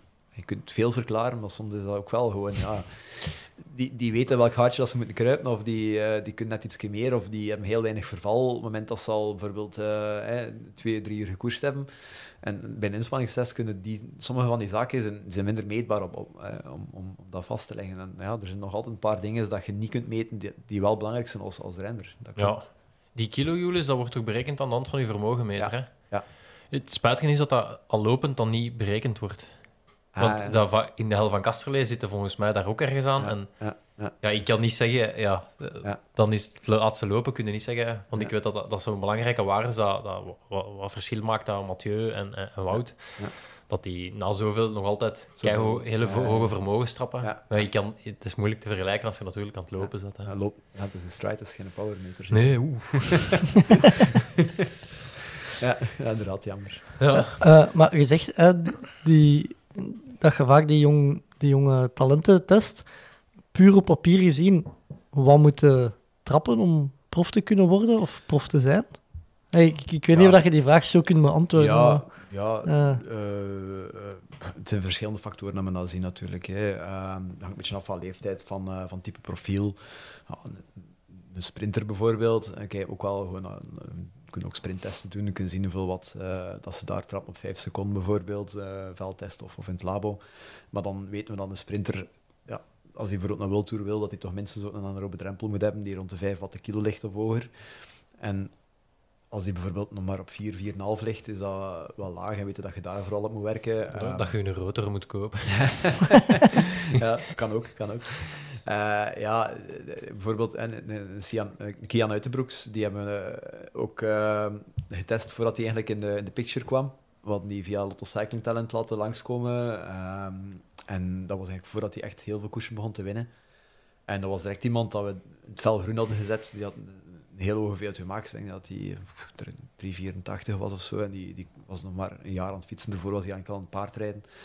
Ehm, en dan weten, ja, als, hij, als hij boven de 6 watt de kilo trapt op het einde van zijn test en, en tegen de 6 watt de kilo aanzit met zijn op drempel aan, met nog geen jaar te fiets te hebben, dan weten dat je met toptalent eh, te maken hebt. Hè. Dus, eh, ja, er zijn verschillende parameters, maar ja, we weten welk type, wat dat je ongeveer moet kunnen, welke leeftijd dat je zit. En dan, ja, bijvoorbeeld bij een, bij een Kian Uitenbroeks wisten we direct van, eigenlijk moeten we dat direct vastleggen, maar jammer genoeg is dat dan niet verder gegaan in hogere regionen. Ehm, en een paar maanden later was, eh, waren de verschillende ploegen die eh, aan zijn been hingen. Ja, want ik, ik vermoed dat je dan ook heel veel data hebt, omdat je bij Energy Lab heel veel, heel veel mensen testen en heel goed kunt zeggen, ja, dat is Ja. bij de beste zoveel procent. Ja.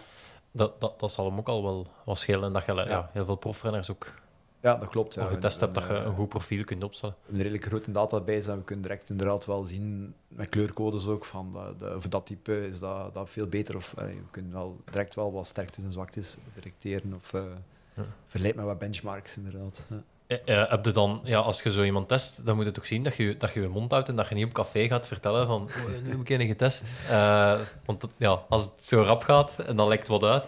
Ja, dat, ja, dat, dat, dat, is, dat is zo. Ja. Probeer natuurlijk wel, als je, als je weet dat er een talent is, of een talent gedetecteerd is, probeer probeer dat wel ergens te, te zeggen en, en probeer de, de juiste tools aan te rijden om die, om die te laten ontwikkelen.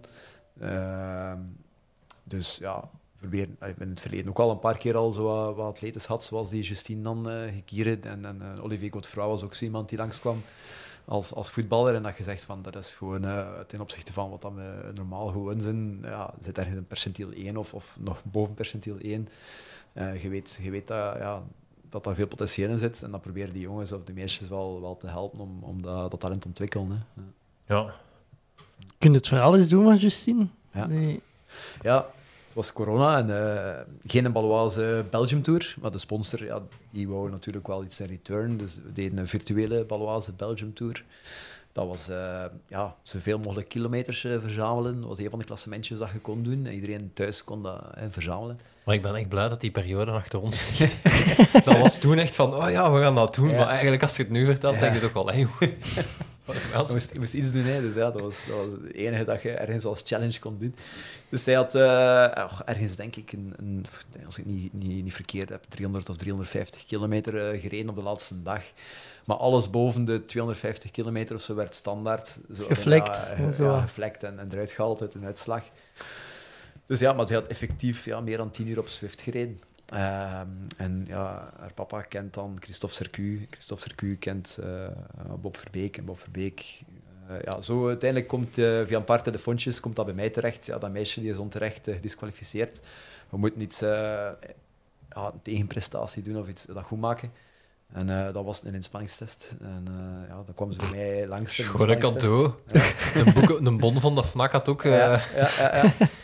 inderdaad. En ja, ik nam die test af en dat was... Ja, ik dacht eerst dat ons cyclussysteem misschien ergens een afwijking had. Dus... Zo op zo'n schermpje tikken. Zo.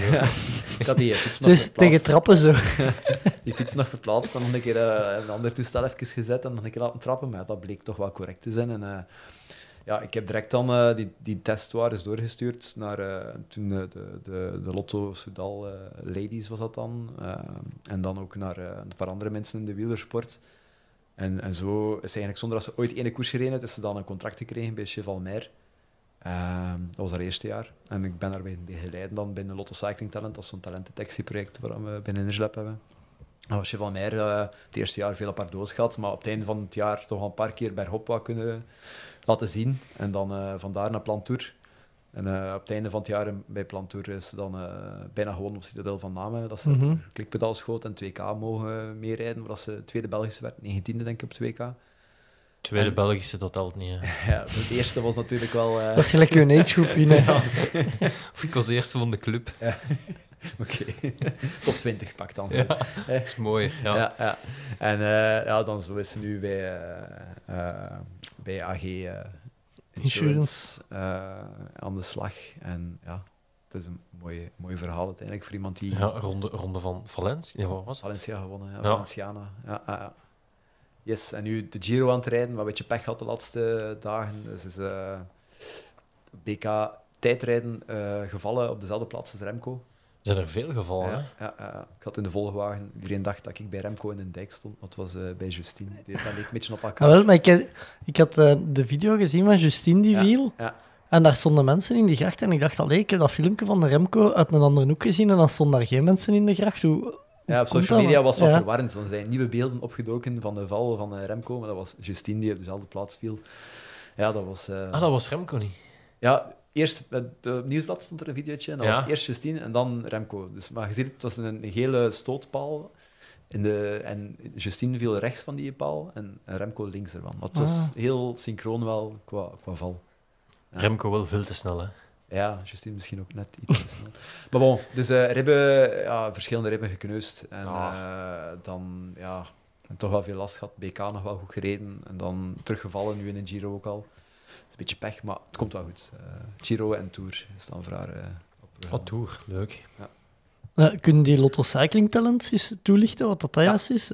Ja, dat, dat is een project eigenlijk wow, dat de Nationale Loterij ondersteunt, waar we elk jaar budget krijgen om, om 15 jonge renners of potentiële rensters, renners te detecteren. Dat maakt niet uit van welke club dat ze zijn of van welke leeftijd in principe. Normaal is het jeugd, maar bij dames, zoals Justine, die is ook later eigenlijk ingestroomd, als ze heel veel potentieel had. Dus wij krijgen eigenlijk de vrijheid om, om echt talentendetectie te gaan doen, om ja, rond te horen van ja, die of die, dat is wel potentieel te testen en die eigenlijk te gaan, uh, te gaan, te gaan coachen. Um, en ja, dus zowel bikefitting als voedingsadvies als, als training, dat we dan eigenlijk ondersteuning bieden. Ik heb, ik heb het opgeschreven, want anders vergeet ik het soms een keer wie dat het allemaal uitkomt. Maar eh, wie had er allemaal erin gezeten? Het is bijvoorbeeld een Alex Segaat heeft erin gezeten, eh, Tim Welles, Stig Broeks, een Laurens de Plus, Frederik Frison, Dries van Hestel, Harm van Oeken, de Stan de Wulf komt er ook uit, Rune Hergots, eh Justine Gekiere dan, Arnaud Delis. Dat zijn allemaal renners die eigenlijk ooit, voordat ze in de profploeg zaten, al in dat talentendetectieproject van Lotto Cycling Talent hebben gezeten. Dat is niet zo zichtbaar natuurlijk, omdat die renners Mhm. wel in een clubkledij van een, van een eigen club fietsen. Maar dan ja, het ondersteunende pakket of coaching eh, kwam dan van, van onze kant uit. En dat is een ja, mooi project van de, van de loterij. En nu loopt dat nog altijd. lottocyclingtalent.be. Kunnen zien welke renners en rensters dat daar momenteel eh, in zitten. Eh, die zijn dus kosteloos, professioneel begeleid. En wij proberen die talenten te detecteren. En is dat detecteren, dat is los van Sport Vlaanderen, allee, Flanders, dat Ja, is... uiteraard. Als die bij ons gecoacht worden, dan, dan is dat natuurlijk gemakkelijk om ook wel data te delen en te zien wat de potentiële talenten zijn. Maar dat staat er los van, inderdaad. Dat is, dat is eh, helemaal los. En we doen elk jaar, ergens in september, oktober, een, eh, een, een oproep via verschillende kanalen. En dan krijgen we meestal, elk, elk jaar krijgen we tussen de 50 en de 100 eh, sollicitaties binnen. Nou ja, Ehm, iedereen kan zich kandidaat stellen. Dan, dan selecteren we van die vijf- 50 tot 100 renners, selecteren we er een tiental die langs kunnen komen. Ehm, en zo kijken we dan verder van, eh, onder andere en de Kian Uitenbroeks kwam ook daaruit naar voren eigenlijk eh, als supergroot potentieel, maar dan eh, uiteindelijk eh, al snel door zijn niveau dat hij Ja. had, eh, doorgegroeid natuurlijk. Ja. Ja. Wordt er ook naar andere sporten gekeken? Ehm, ja, ik, ik me- eh, merk nu bijvoorbeeld dat de, de BMX'ers gaan op de piste sprinten. En Ja. ja, je ziet wel... ik denk dat dat eh, ook, Ja. in, het- ook in profielrennen, Anton Palser, denk ik, dat, dat een contract heeft bij, bij Bora. Die... Klopt, ja. Ik denk dat dat misschien wel een interessante piste is. En zeker, zeker binnen het vrouwenwielrennen bijvoorbeeld. Ja. Dat we daar, eh, da- daar, daar, allee, daar is ook wel, dat zeggen, iets meer... eh, de top is minder breed misschien. ja, top is minder. Ik denk dat er heel veel talenten nog zijn die nog niet ontdekt zijn. Ja. Of, eh, is misschien nog makkelijker uit andere sporten te, te, te halen zijn. Maar ik denk wel dat er bijvoorbeeld, ja, in, in, in- inderdaad, in, in, eh, vanuit atletiek bijvoorbeeld of dergelijke meer, denk ik dat er nog heel weinig gebeurt. En dat, dat wielrennen vaak zo wel een beetje traditioneel is van, ja, als je niet van bij de jeugd eh, Mhm. gekoerst hebt, dan is het vaak moeilijk om ergens nog eh, in een ploeg te geraken. Ik heb bijvoorbeeld een Olivier Godefroy, dat is ook zo'n beetje een verhaal, zoals bij Mhm. Justine. Die, eh, was Die heeft zich in Mallorca of zo gewonnen, zeker. Ja, Mallorca 312 heeft hij gewonnen met een solo van 112 kilometer. Hij heeft ook eh Rafondo... Die mocht gaan op 200 kilometer. En... Zo. Ja, hij heeft ook een paar keer Van Toe gewonnen, Cannes, eh Saint-Tropez denk ik ook gewonnen, een paar Rafondos gewonnen. Eh, en nu kreeg hij de kans om bij de profsterrein dan via Baloise Tracklines. Ah ja. Ja, En eh ja, BK was hij uiteindelijk nog in de finale in de solo aan het doen om net niet elfde te worden. Hij is op 200 meter van de meet gepakt geweest, of zo, niet zeggen. Maar ja, die jongen is gewoon nog atypisch. En ja, dat, dat past niet binnen het profiel vaak van veel ploegen om, om, om zo iemand te nemen die pas op zijn 27ste begint te koersen. Mhm. Dus, eh, Ja, maar als je dan ziet bijvoorbeeld, ehm ja, Roglic komt uit, uh, uit Schanspringen, Ja. ja. Cameron Wurf, Ja. die, die ook gewoon ja, klopt. roeier is, profielrenner, Ja. eh triatleet, terug profielrenner. Ja. Eh, toch ook bij, bij een van de grootste ploegen. Ja, dat is waar. Dus ik denk inderdaad dat er... Dus een goede tip om onze zoekradar misschien nog, eh, zeker voor Lotto Cycling Talent, misschien iets te verbreden naar... eh, Ja, ik heb ooit Powerman van Mallorca gedaan. En dat was de enige vrouw dat ik ooit Emma Pooley heb weten kloppen. En dat was Mavi Garcia. ja, ah, ja, ja, ja. Dus ja, was ook Ja. niet zo verrassend dat dat zo'n goede wielrenster ging worden. Want als je Emma Pooley kon kloppen, dan, dan Ja. kon wel iets. Dus Ja. ja, Ja. duathlon is misschien een makkelijke sport omdat er nog fietsen in zit. Maar ik denk dat er inderdaad nog... ja, absoluut. Ja, gelijk een Jason Osborne is ook een voorbeeld daarvan. Hè? Die, ik weet niet waar dat in ondertussen zit, maar... Bij Al- eh, Alpes in de Koning. Ah ja, bij de opleidingsploeg zeker, niet? Eh, dat durf ik... Nee, dat denk ik niet. Ik denk wel degelijk bij de... Of ja, nee, bij de opleidingsploeg, ja. Dacht, maar ja, nee, dat bij is de zo... continentale ploeg van... Ja. Ja, maar dat, dat is ook zo'n grijze zone tegenwoordig. Dat je, ja.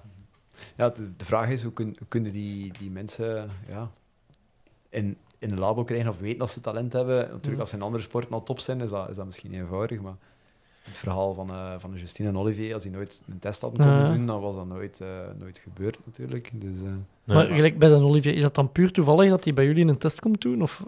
eh, ja, die wou een Ironman doen en ik had die toen afgenomen. Ik had ook wel gezien, zo- zoals bij Justine, van jij hebt wel talent. En dan ben ik die beginnen coachen. En zo is dat dan gegroeid in corona. Niet veel zin meer om Ironman te doen, meer te gaan koersen. En dan eh plannetje gemaakt om echt een, een koersje proberen zijn ding te doen na corona. En, Mhm. eh, zo is dat gerold. Eh, Dus, dus, Allee. toeval. Dat had even een Ironman kunnen worden dan.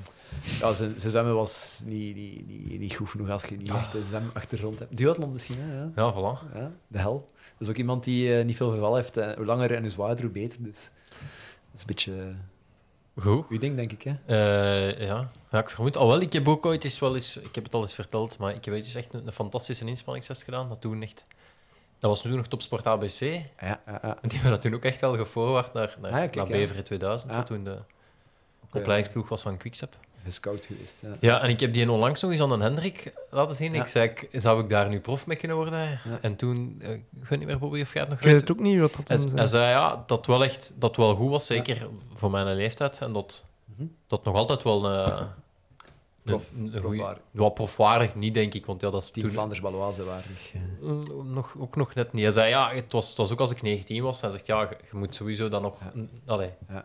Het is niet met één test dat je, dat je direct prof wordt. Toen was een test afnemen ook. Dat gebeurde niet zo vaak. Dus ik denk dat er tegenwoordig gewoon ook meer. meer Ja, klopt. Het, zal, het zal juist een heel schone Instagram-foto geweest zijn van, Ja. van mijn film dat jaar. Ja, als je in topvorm zit en dan moment test, dan... eh, ja. Ja, dat was het rare. Dat was in... ehm, die, ik, ik deed altijd een test in januari. Ja. Maar ik was zo wel een atypische wielrenner die superveel sportte in de winter. En ik was ook altijd ja, heel goed in vorm al in, in januari. Waardoor Ah, ja. ik denk dat ze ook wel zoiets hadden van... Amai. Voor januari is dat wel top, ja. Ja, inderdaad. Maar Maar goed. dat is ook wel echt verschillend van persoon tot persoon. Dat je ziet dat sommige renners terugvallen en, en ja, je hebt er die heel het jaar door eigenlijk vrij constant zijn en die niet zoveel training nodig hebben om al goed te zijn. En heel veel training om net iets beter te worden. Je hebt er ook die, ja, die vanaf als ze niet veel doen, echt enorme terugval hebben en dan heel hoog kunnen pieken. Dat is, dat is ook moeilijk om dat op voorhand te zeggen. Hoe komt dat nu eigenlijk dat dat soms bij sommigen zo is en zo is? Wel boeiend. Ja. Ehm, jij als trainer ook twee Olympische Spelen op je Ja. palmarès staan. Allee, misschien ene fysiek en, en dan ene corona-editie. Eh, hoe is dat als coach? Ja, dat was eh, jammer genoeg Tokio. Door ja, de restricties eh, kon ik niet meegaan naar, naar Tokio zelf. Rio was wel vrij intens dan, qua, qua beleving. Ik ben de, in, in het jaar ervoor en het jaar van de Spelen samen toch verschillende weken in Rio de Janeiro geweest. Ehm, en ja, zeker eh, op sportief gebied wel een super ervaring om dat mee te maken, die Spelen zelf en de aanloop ernaartoe. Eh, maar ook ja, qua, qua experience om zo in, eh, in een stad zoals Rio te leven en eh, rond, rond te bewegen. Dat was met Emma, hè? Dat was met Evie en Emma was toen ook al mee als eh, Ja. Rio de Janeiro was. eh, ja, die is zo juist daarvoor naar, die was als sparringspartner of zo Klopt. mee. Emma was eh, heel de periode mee, al de voorbereiding meegedaan. Zij stond toen, denk ik, zevende op de wereldranglijst. Eh, maar in zeilen is het zo dat er maar één atleet per klasse kan gaan. Dus eigenlijk was zij ook al waardig om, om mee te doen. Eh, maar ja, dat is door de regels eh, niet mogelijk. Dus ze heeft alles meegetraind en dan, dan terug naar huis gegaan. Maar ik vond Rio wel een enorme, enorme ervaring. Dat was toch brak water of dat was toch iets met water? Ja. Vuil, Ja, vuil water. Ja, dat was enorm veel. Ja, de, de riolering lopen gewoon letterlijk in, in, in de baai. Dus je komt daar koelkasten tegen. eh, eh, dode, dode beesten, eh, zijn stoelen, eh, ja, alles en nog wat. Maar we deden daar ook, dat is nog wel eh, een verhaal, we deden daar ook stroommetingen. professionele teams met zeilen, die hadden zo echt boeikjes mee dat ze in het water konden gooien met GPS-locatie, dat ze zo kunnen zien van wat de stroming was. Nou, wij hadden dat allemaal niet. Ik had wel een Garmin. eh, dus wat we deden was eh, waypoints nemen als we een, een boei in het water gooiden. En dan eh, ja, een paar boeitjes, een paar op- opnames doen. En dan die boei een minuut of twee laten stromen. En dan terug die boei uit het water nemen en terug GPS-locatie nemen. Maar we deden dat op de uren dat ja, hetzelfde was als tijdens de Spelen. Dus dat wel, de maan moest zo staan, een app en zo, vloed zo. Dus dat was soms vier, vijf uur s morgens op eh, de baai van Rio de Janeiro met een, met een motorbootje op. En op een bepaald moment waren we boeikjes in het water aan het gooien. En we hoorden zoiets op de achtergrond in de verte, maar dat was eh, ja, iets in Portugees. Ik versta geen Portugees, een trainer toen destijds ook niet, de coach. En plots was het, eh, don't, don't come any closer or we will shoot you. dat was dus eh, een onderzeer, het een maritieme basis van het leger. En wij waren dingen in het water aan het gooien, recht richting die onderzeer, die nog zo half boven water zat, aan het komen. dat was even, eh, oh, terugdraaien. Ik dacht dat je een drugsdeal ging onderscheppen. Ah, of zo. Ja, ik was ook al aan het denken. Nee, nee. Ja, dat zag, dat zag je ook wel wat dingen, zoals niet zo veilig natuurlijk. Hè. Qua, er waren bepaalde... Allee, we zaten echt in het centrum van, van Botafogo, was dat. Dus echt... eh, we hadden van het plaats waar we zaten, we zaten een beetje op de berg, dicht bij Sloppenwijk aan. Zicht op eh, Sugarloaf Mountain en op eh, Corcovado, dus de, de Jezus, eh, Jezus-standbeeld daar staat. En zicht op de, de baai van, eh, van Copacabana. Dus echt, eh, ja, prachtig plaatsje, maar niet zo'n veilige straat. Dus dat, ja, daar hebben we ook wel wat, wat dingen meegemaakt. Eh, sommige kruispunten hadden, moesten beter gewoon door het rood rijden. En eh, andere, ja, dat was... eh, Ja. ja, elke, je had zo'n app te- dat moment daar, dat je elke dag kon zien waar er schietpartijen geweest waren en waar dat er doden waren gevallen die dag. Dat Echt? Ja. Dan zou ik juist daar naartoe gaan, want statistisch is de kans dat dat misschien op dezelfde plaats gebeurt. Ah, ja, dat is Alhoewel, ja, vergelding en zo. Dat is waar. Ja, nu, de plaats waar wij kwamen viel het nog wel mee, maar we moesten toch niet, eh, niet te veel eh, buiten, Ah, ja. buiten de lijntjes kleuren. Ja, ja, een patek snuiven heb ik altijd gehoord dat ze daar doen. Ik heb, ik, heb, ik heb het niet gezien. eh. Ja, nee. Dat zei ze altijd in het lager school. Ja. Patek, je mocht daar niet aan ruiken, want je kunt daar verslaafd aan raken. Maar de Spelen zelf was een andere stad. Dat was wel, en, en, eh, en voor mij was het ook wel heel, heel stressvol, omdat je natuurlijk meeleeft. Ik heb geen accreditatie. Tijdens wedstrijden van zeilen ben ik nooit aanwezig. Bij, bij het wielrennen ben ik af en toe zeker op tijdritten aanwezig. Maar bij het zeilen zelf, het fysieke werk is er vooraf, voorhand gedaan. Maar ik wou natuurlijk wel er zijn tijdens de Spelen, dus ik was daar ook wel. Dat was Evi net was ziek geworden eh, tijdens de Spelen en voor de Spelen, dus dat was eh vrij HRV in het rood. toen was dat nog, ja, wij hadden nog geen HRV, dus daarmee dat ik daarna dan, eh, ja, inderdaad, ja, en dat net, net medailles gemist. Hè, dus dat was, dat Ja, was wel juist. Ah, dat was ook toch met dat virus dat je... dat je- Ja, ja, ook door dat water waarschijnlijk ziek geworden. Hè, dus dat was waarschijnlijk de reden geweest dat ze... Ja, dat was ook inderdaad een... Wat was dat nu weer? Een virus waardoor dat, dat kinderen die geboren werden... Ja, Zie- juist. men zit, Zika. Zika. Zika. Zika-virus, ja. Dat was met muggen die dat overbracht. Ja. Ja. Ja. Eh, tattoo laten zetten? Of doe je dat als coach? Nee, nee, nee, ringen? nee, Geen ringen? Nee, nee, eh, Emma heeft wel eh, ringen. Ik weet eigenlijk niet als Evie ringen heeft. Eh Tom en Yannick, die ook er toen waren. Ik weet niet als dat... Ik denk het wel. Maar ik, ja, het coach, dat is niet not done. Hè. Kun je niet? ik ben maar een klein stukje. Oké, we zijn een heel, heel groot team en ik doe enkel het fysieke. Dus eh, nee, nee. Maar als je geen accreditatie hebt... Ja, eh, ben ik officieel niet op de Spelen geweest. hè. Ik was, Nee. ik was toerist. hè. ah, wel, ik beeld me dan in als toerist. Wat doe je dan? Copacabana? eh, ik, Ja. ja. Maar We zijn natuurlijk heel veel sporten gaan zien. Hè. We ook al in hockey hebben we ook wel gezien. Dat was echt fantastisch. Ja, we zijn natuurlijk wel een keer gaan rondkijken, ook in Belgium House en het Heineken House. Wel een groot verschil tussen die twee, maar dat zal anders zijn in, in, in, in Parijs, denk ik. Belgium House was enkel voor de VIP's en zo heel beperkt. Eh, gelukkig De bobo's. Kunnen, ja, kunnen binnen sneaken. Eh, en toen Pieter Timmer eh, tweede werd, die werd gehuldigd op, op een bak bier, denk ik. Ehm, dus Zo dat- typisch Belgisch. ja, eh, eh, dat wel, dat wel. Maar dat was, eh, ja, als je dan Heineken House binnenging, dat was eh, ehm, de, de windsurfer, ik ben even zijn naam kwijt, die hout gewonnen had. Maar dat was, ja, die, die muur splitten ze open met rookmachines en met, ja, dat was, dat was een Ja, die- die, open ging. En, dat, Die, dat die was... winnen ook zoveel medailles Ja, dat is die, die kunnen is wel investeren in... Maar Belgium House in Parijs gaat wel echt goed zijn. Ja? Ja, ja, ik ken eh, de organisator een beetje, dat is ook via Golazzo natuurlijk. Maar Kun je ons eh, binnenkrijgen? Eh, Kunnen we daar een functie vervullen? ik Zo- zal eh, het telefoonnummer van de betreffende persoon straks... eh, ja, we, hebben de, we hebben de balken al eens gesponsord uiteindelijk. Zijn we. Ja. We hebben al toch een beetje een voet binnen bij Golazze, denk ik dan. eh. Maar ik vind dat wel belangrijk eh, op zich. Allee, ik vond het de max om sporten te zien, maar ook hoe dat atleten geëerd worden en dat eigenlijk dat toegankelijk moet zijn voor iedereen om, om dat ook wel mee te maken. Ik vind dat wel, eh, Blijft iets van het volk, hè. Ja, ik vind dat toch wel eh, belangrijk dat dat anders wordt eh, nu ten opzichte van toen.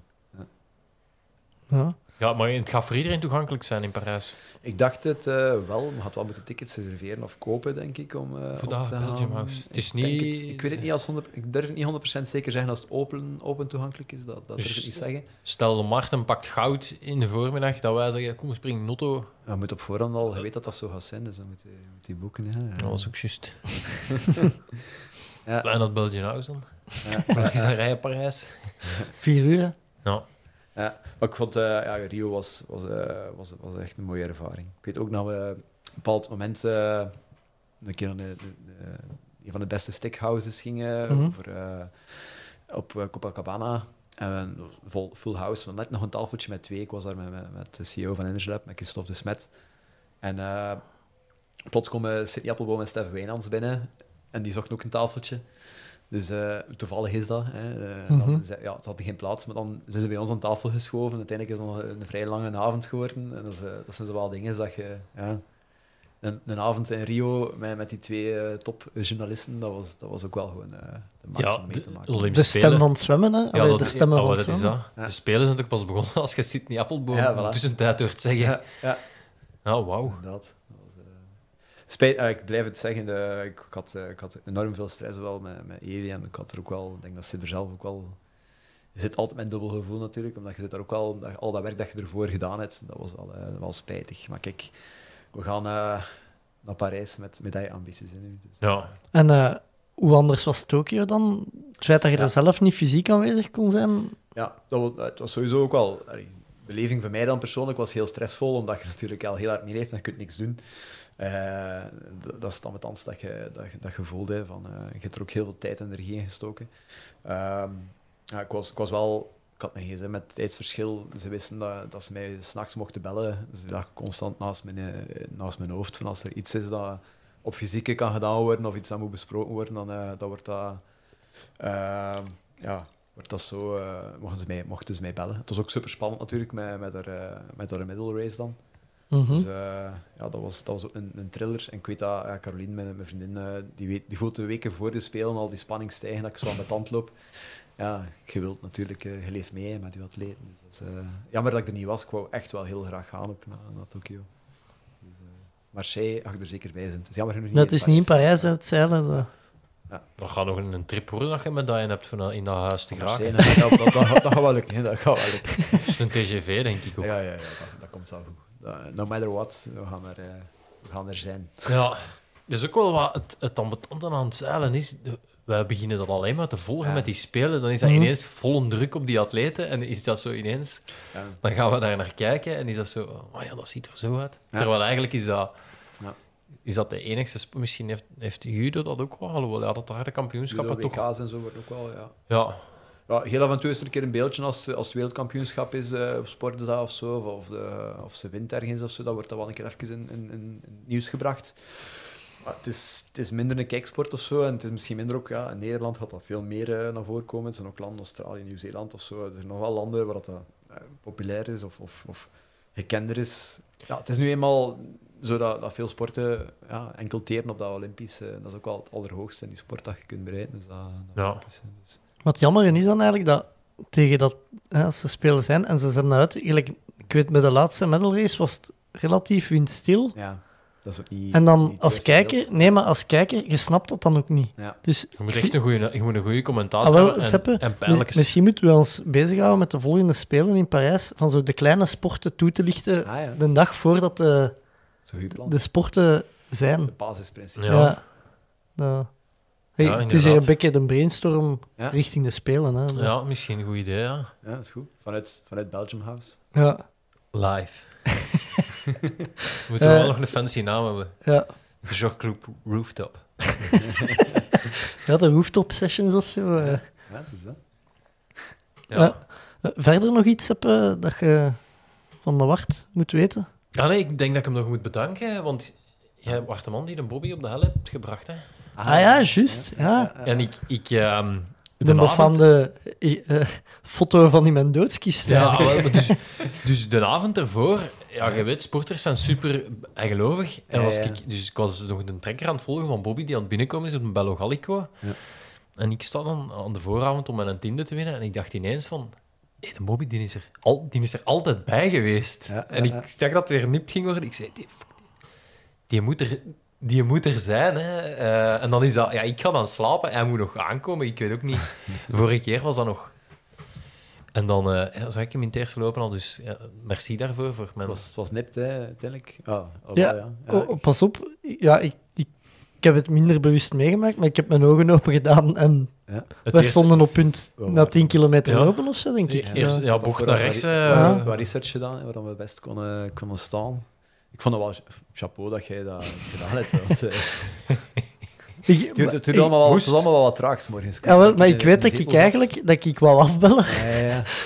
eh, maar dat jij, Ik had jij, tijdens jij de had gestuurd, ja, eh, wat wilde jij hebben van de bakker en zo. Allee, ik, ik was zo, Ja. op het einde van de Melogalico was ik zo wat aan mijn tand geworden en zo, goh, ik ga mijn gsm niet meer bekijken, maar als ik binnen ben, ga ik afbellen. Dus dat was mijn idee. En tegen dat ik binnen was, had de Wartus een bericht gestuurd de avond ervoor.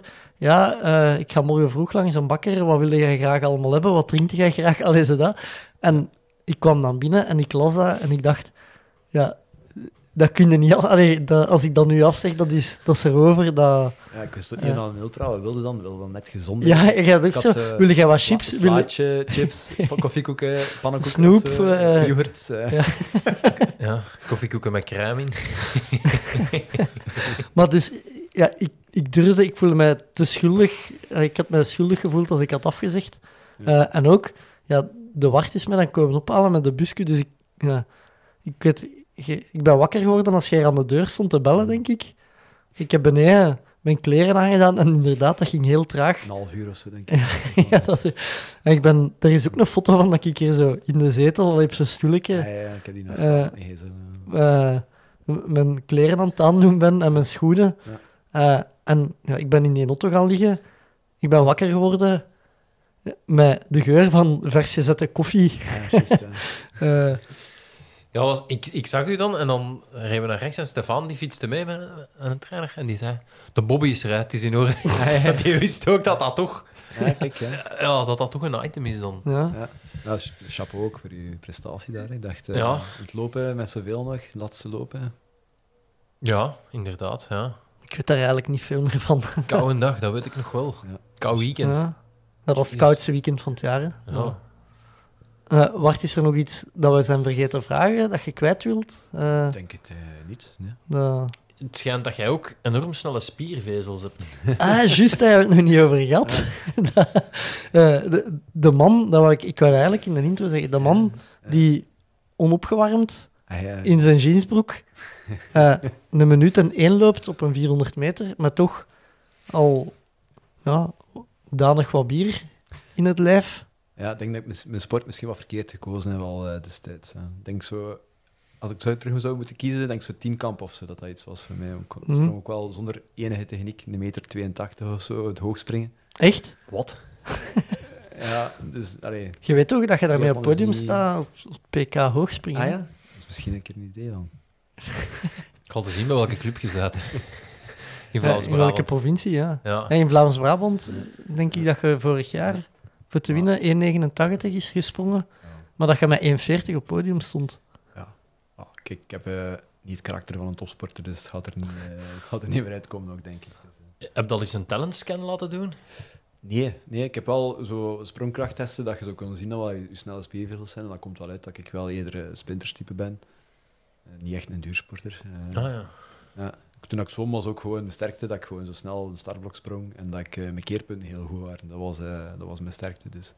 Ook echt wel de man die, als je een 400 meter daartegen loopt, die, als je denkt, deze is het trapste dat ik ooit gelopen heb, zegt, is dit alles wat dat je kunt? En dan kan wegversnellen. eh Zit er, zit er niet veel mee. Hè.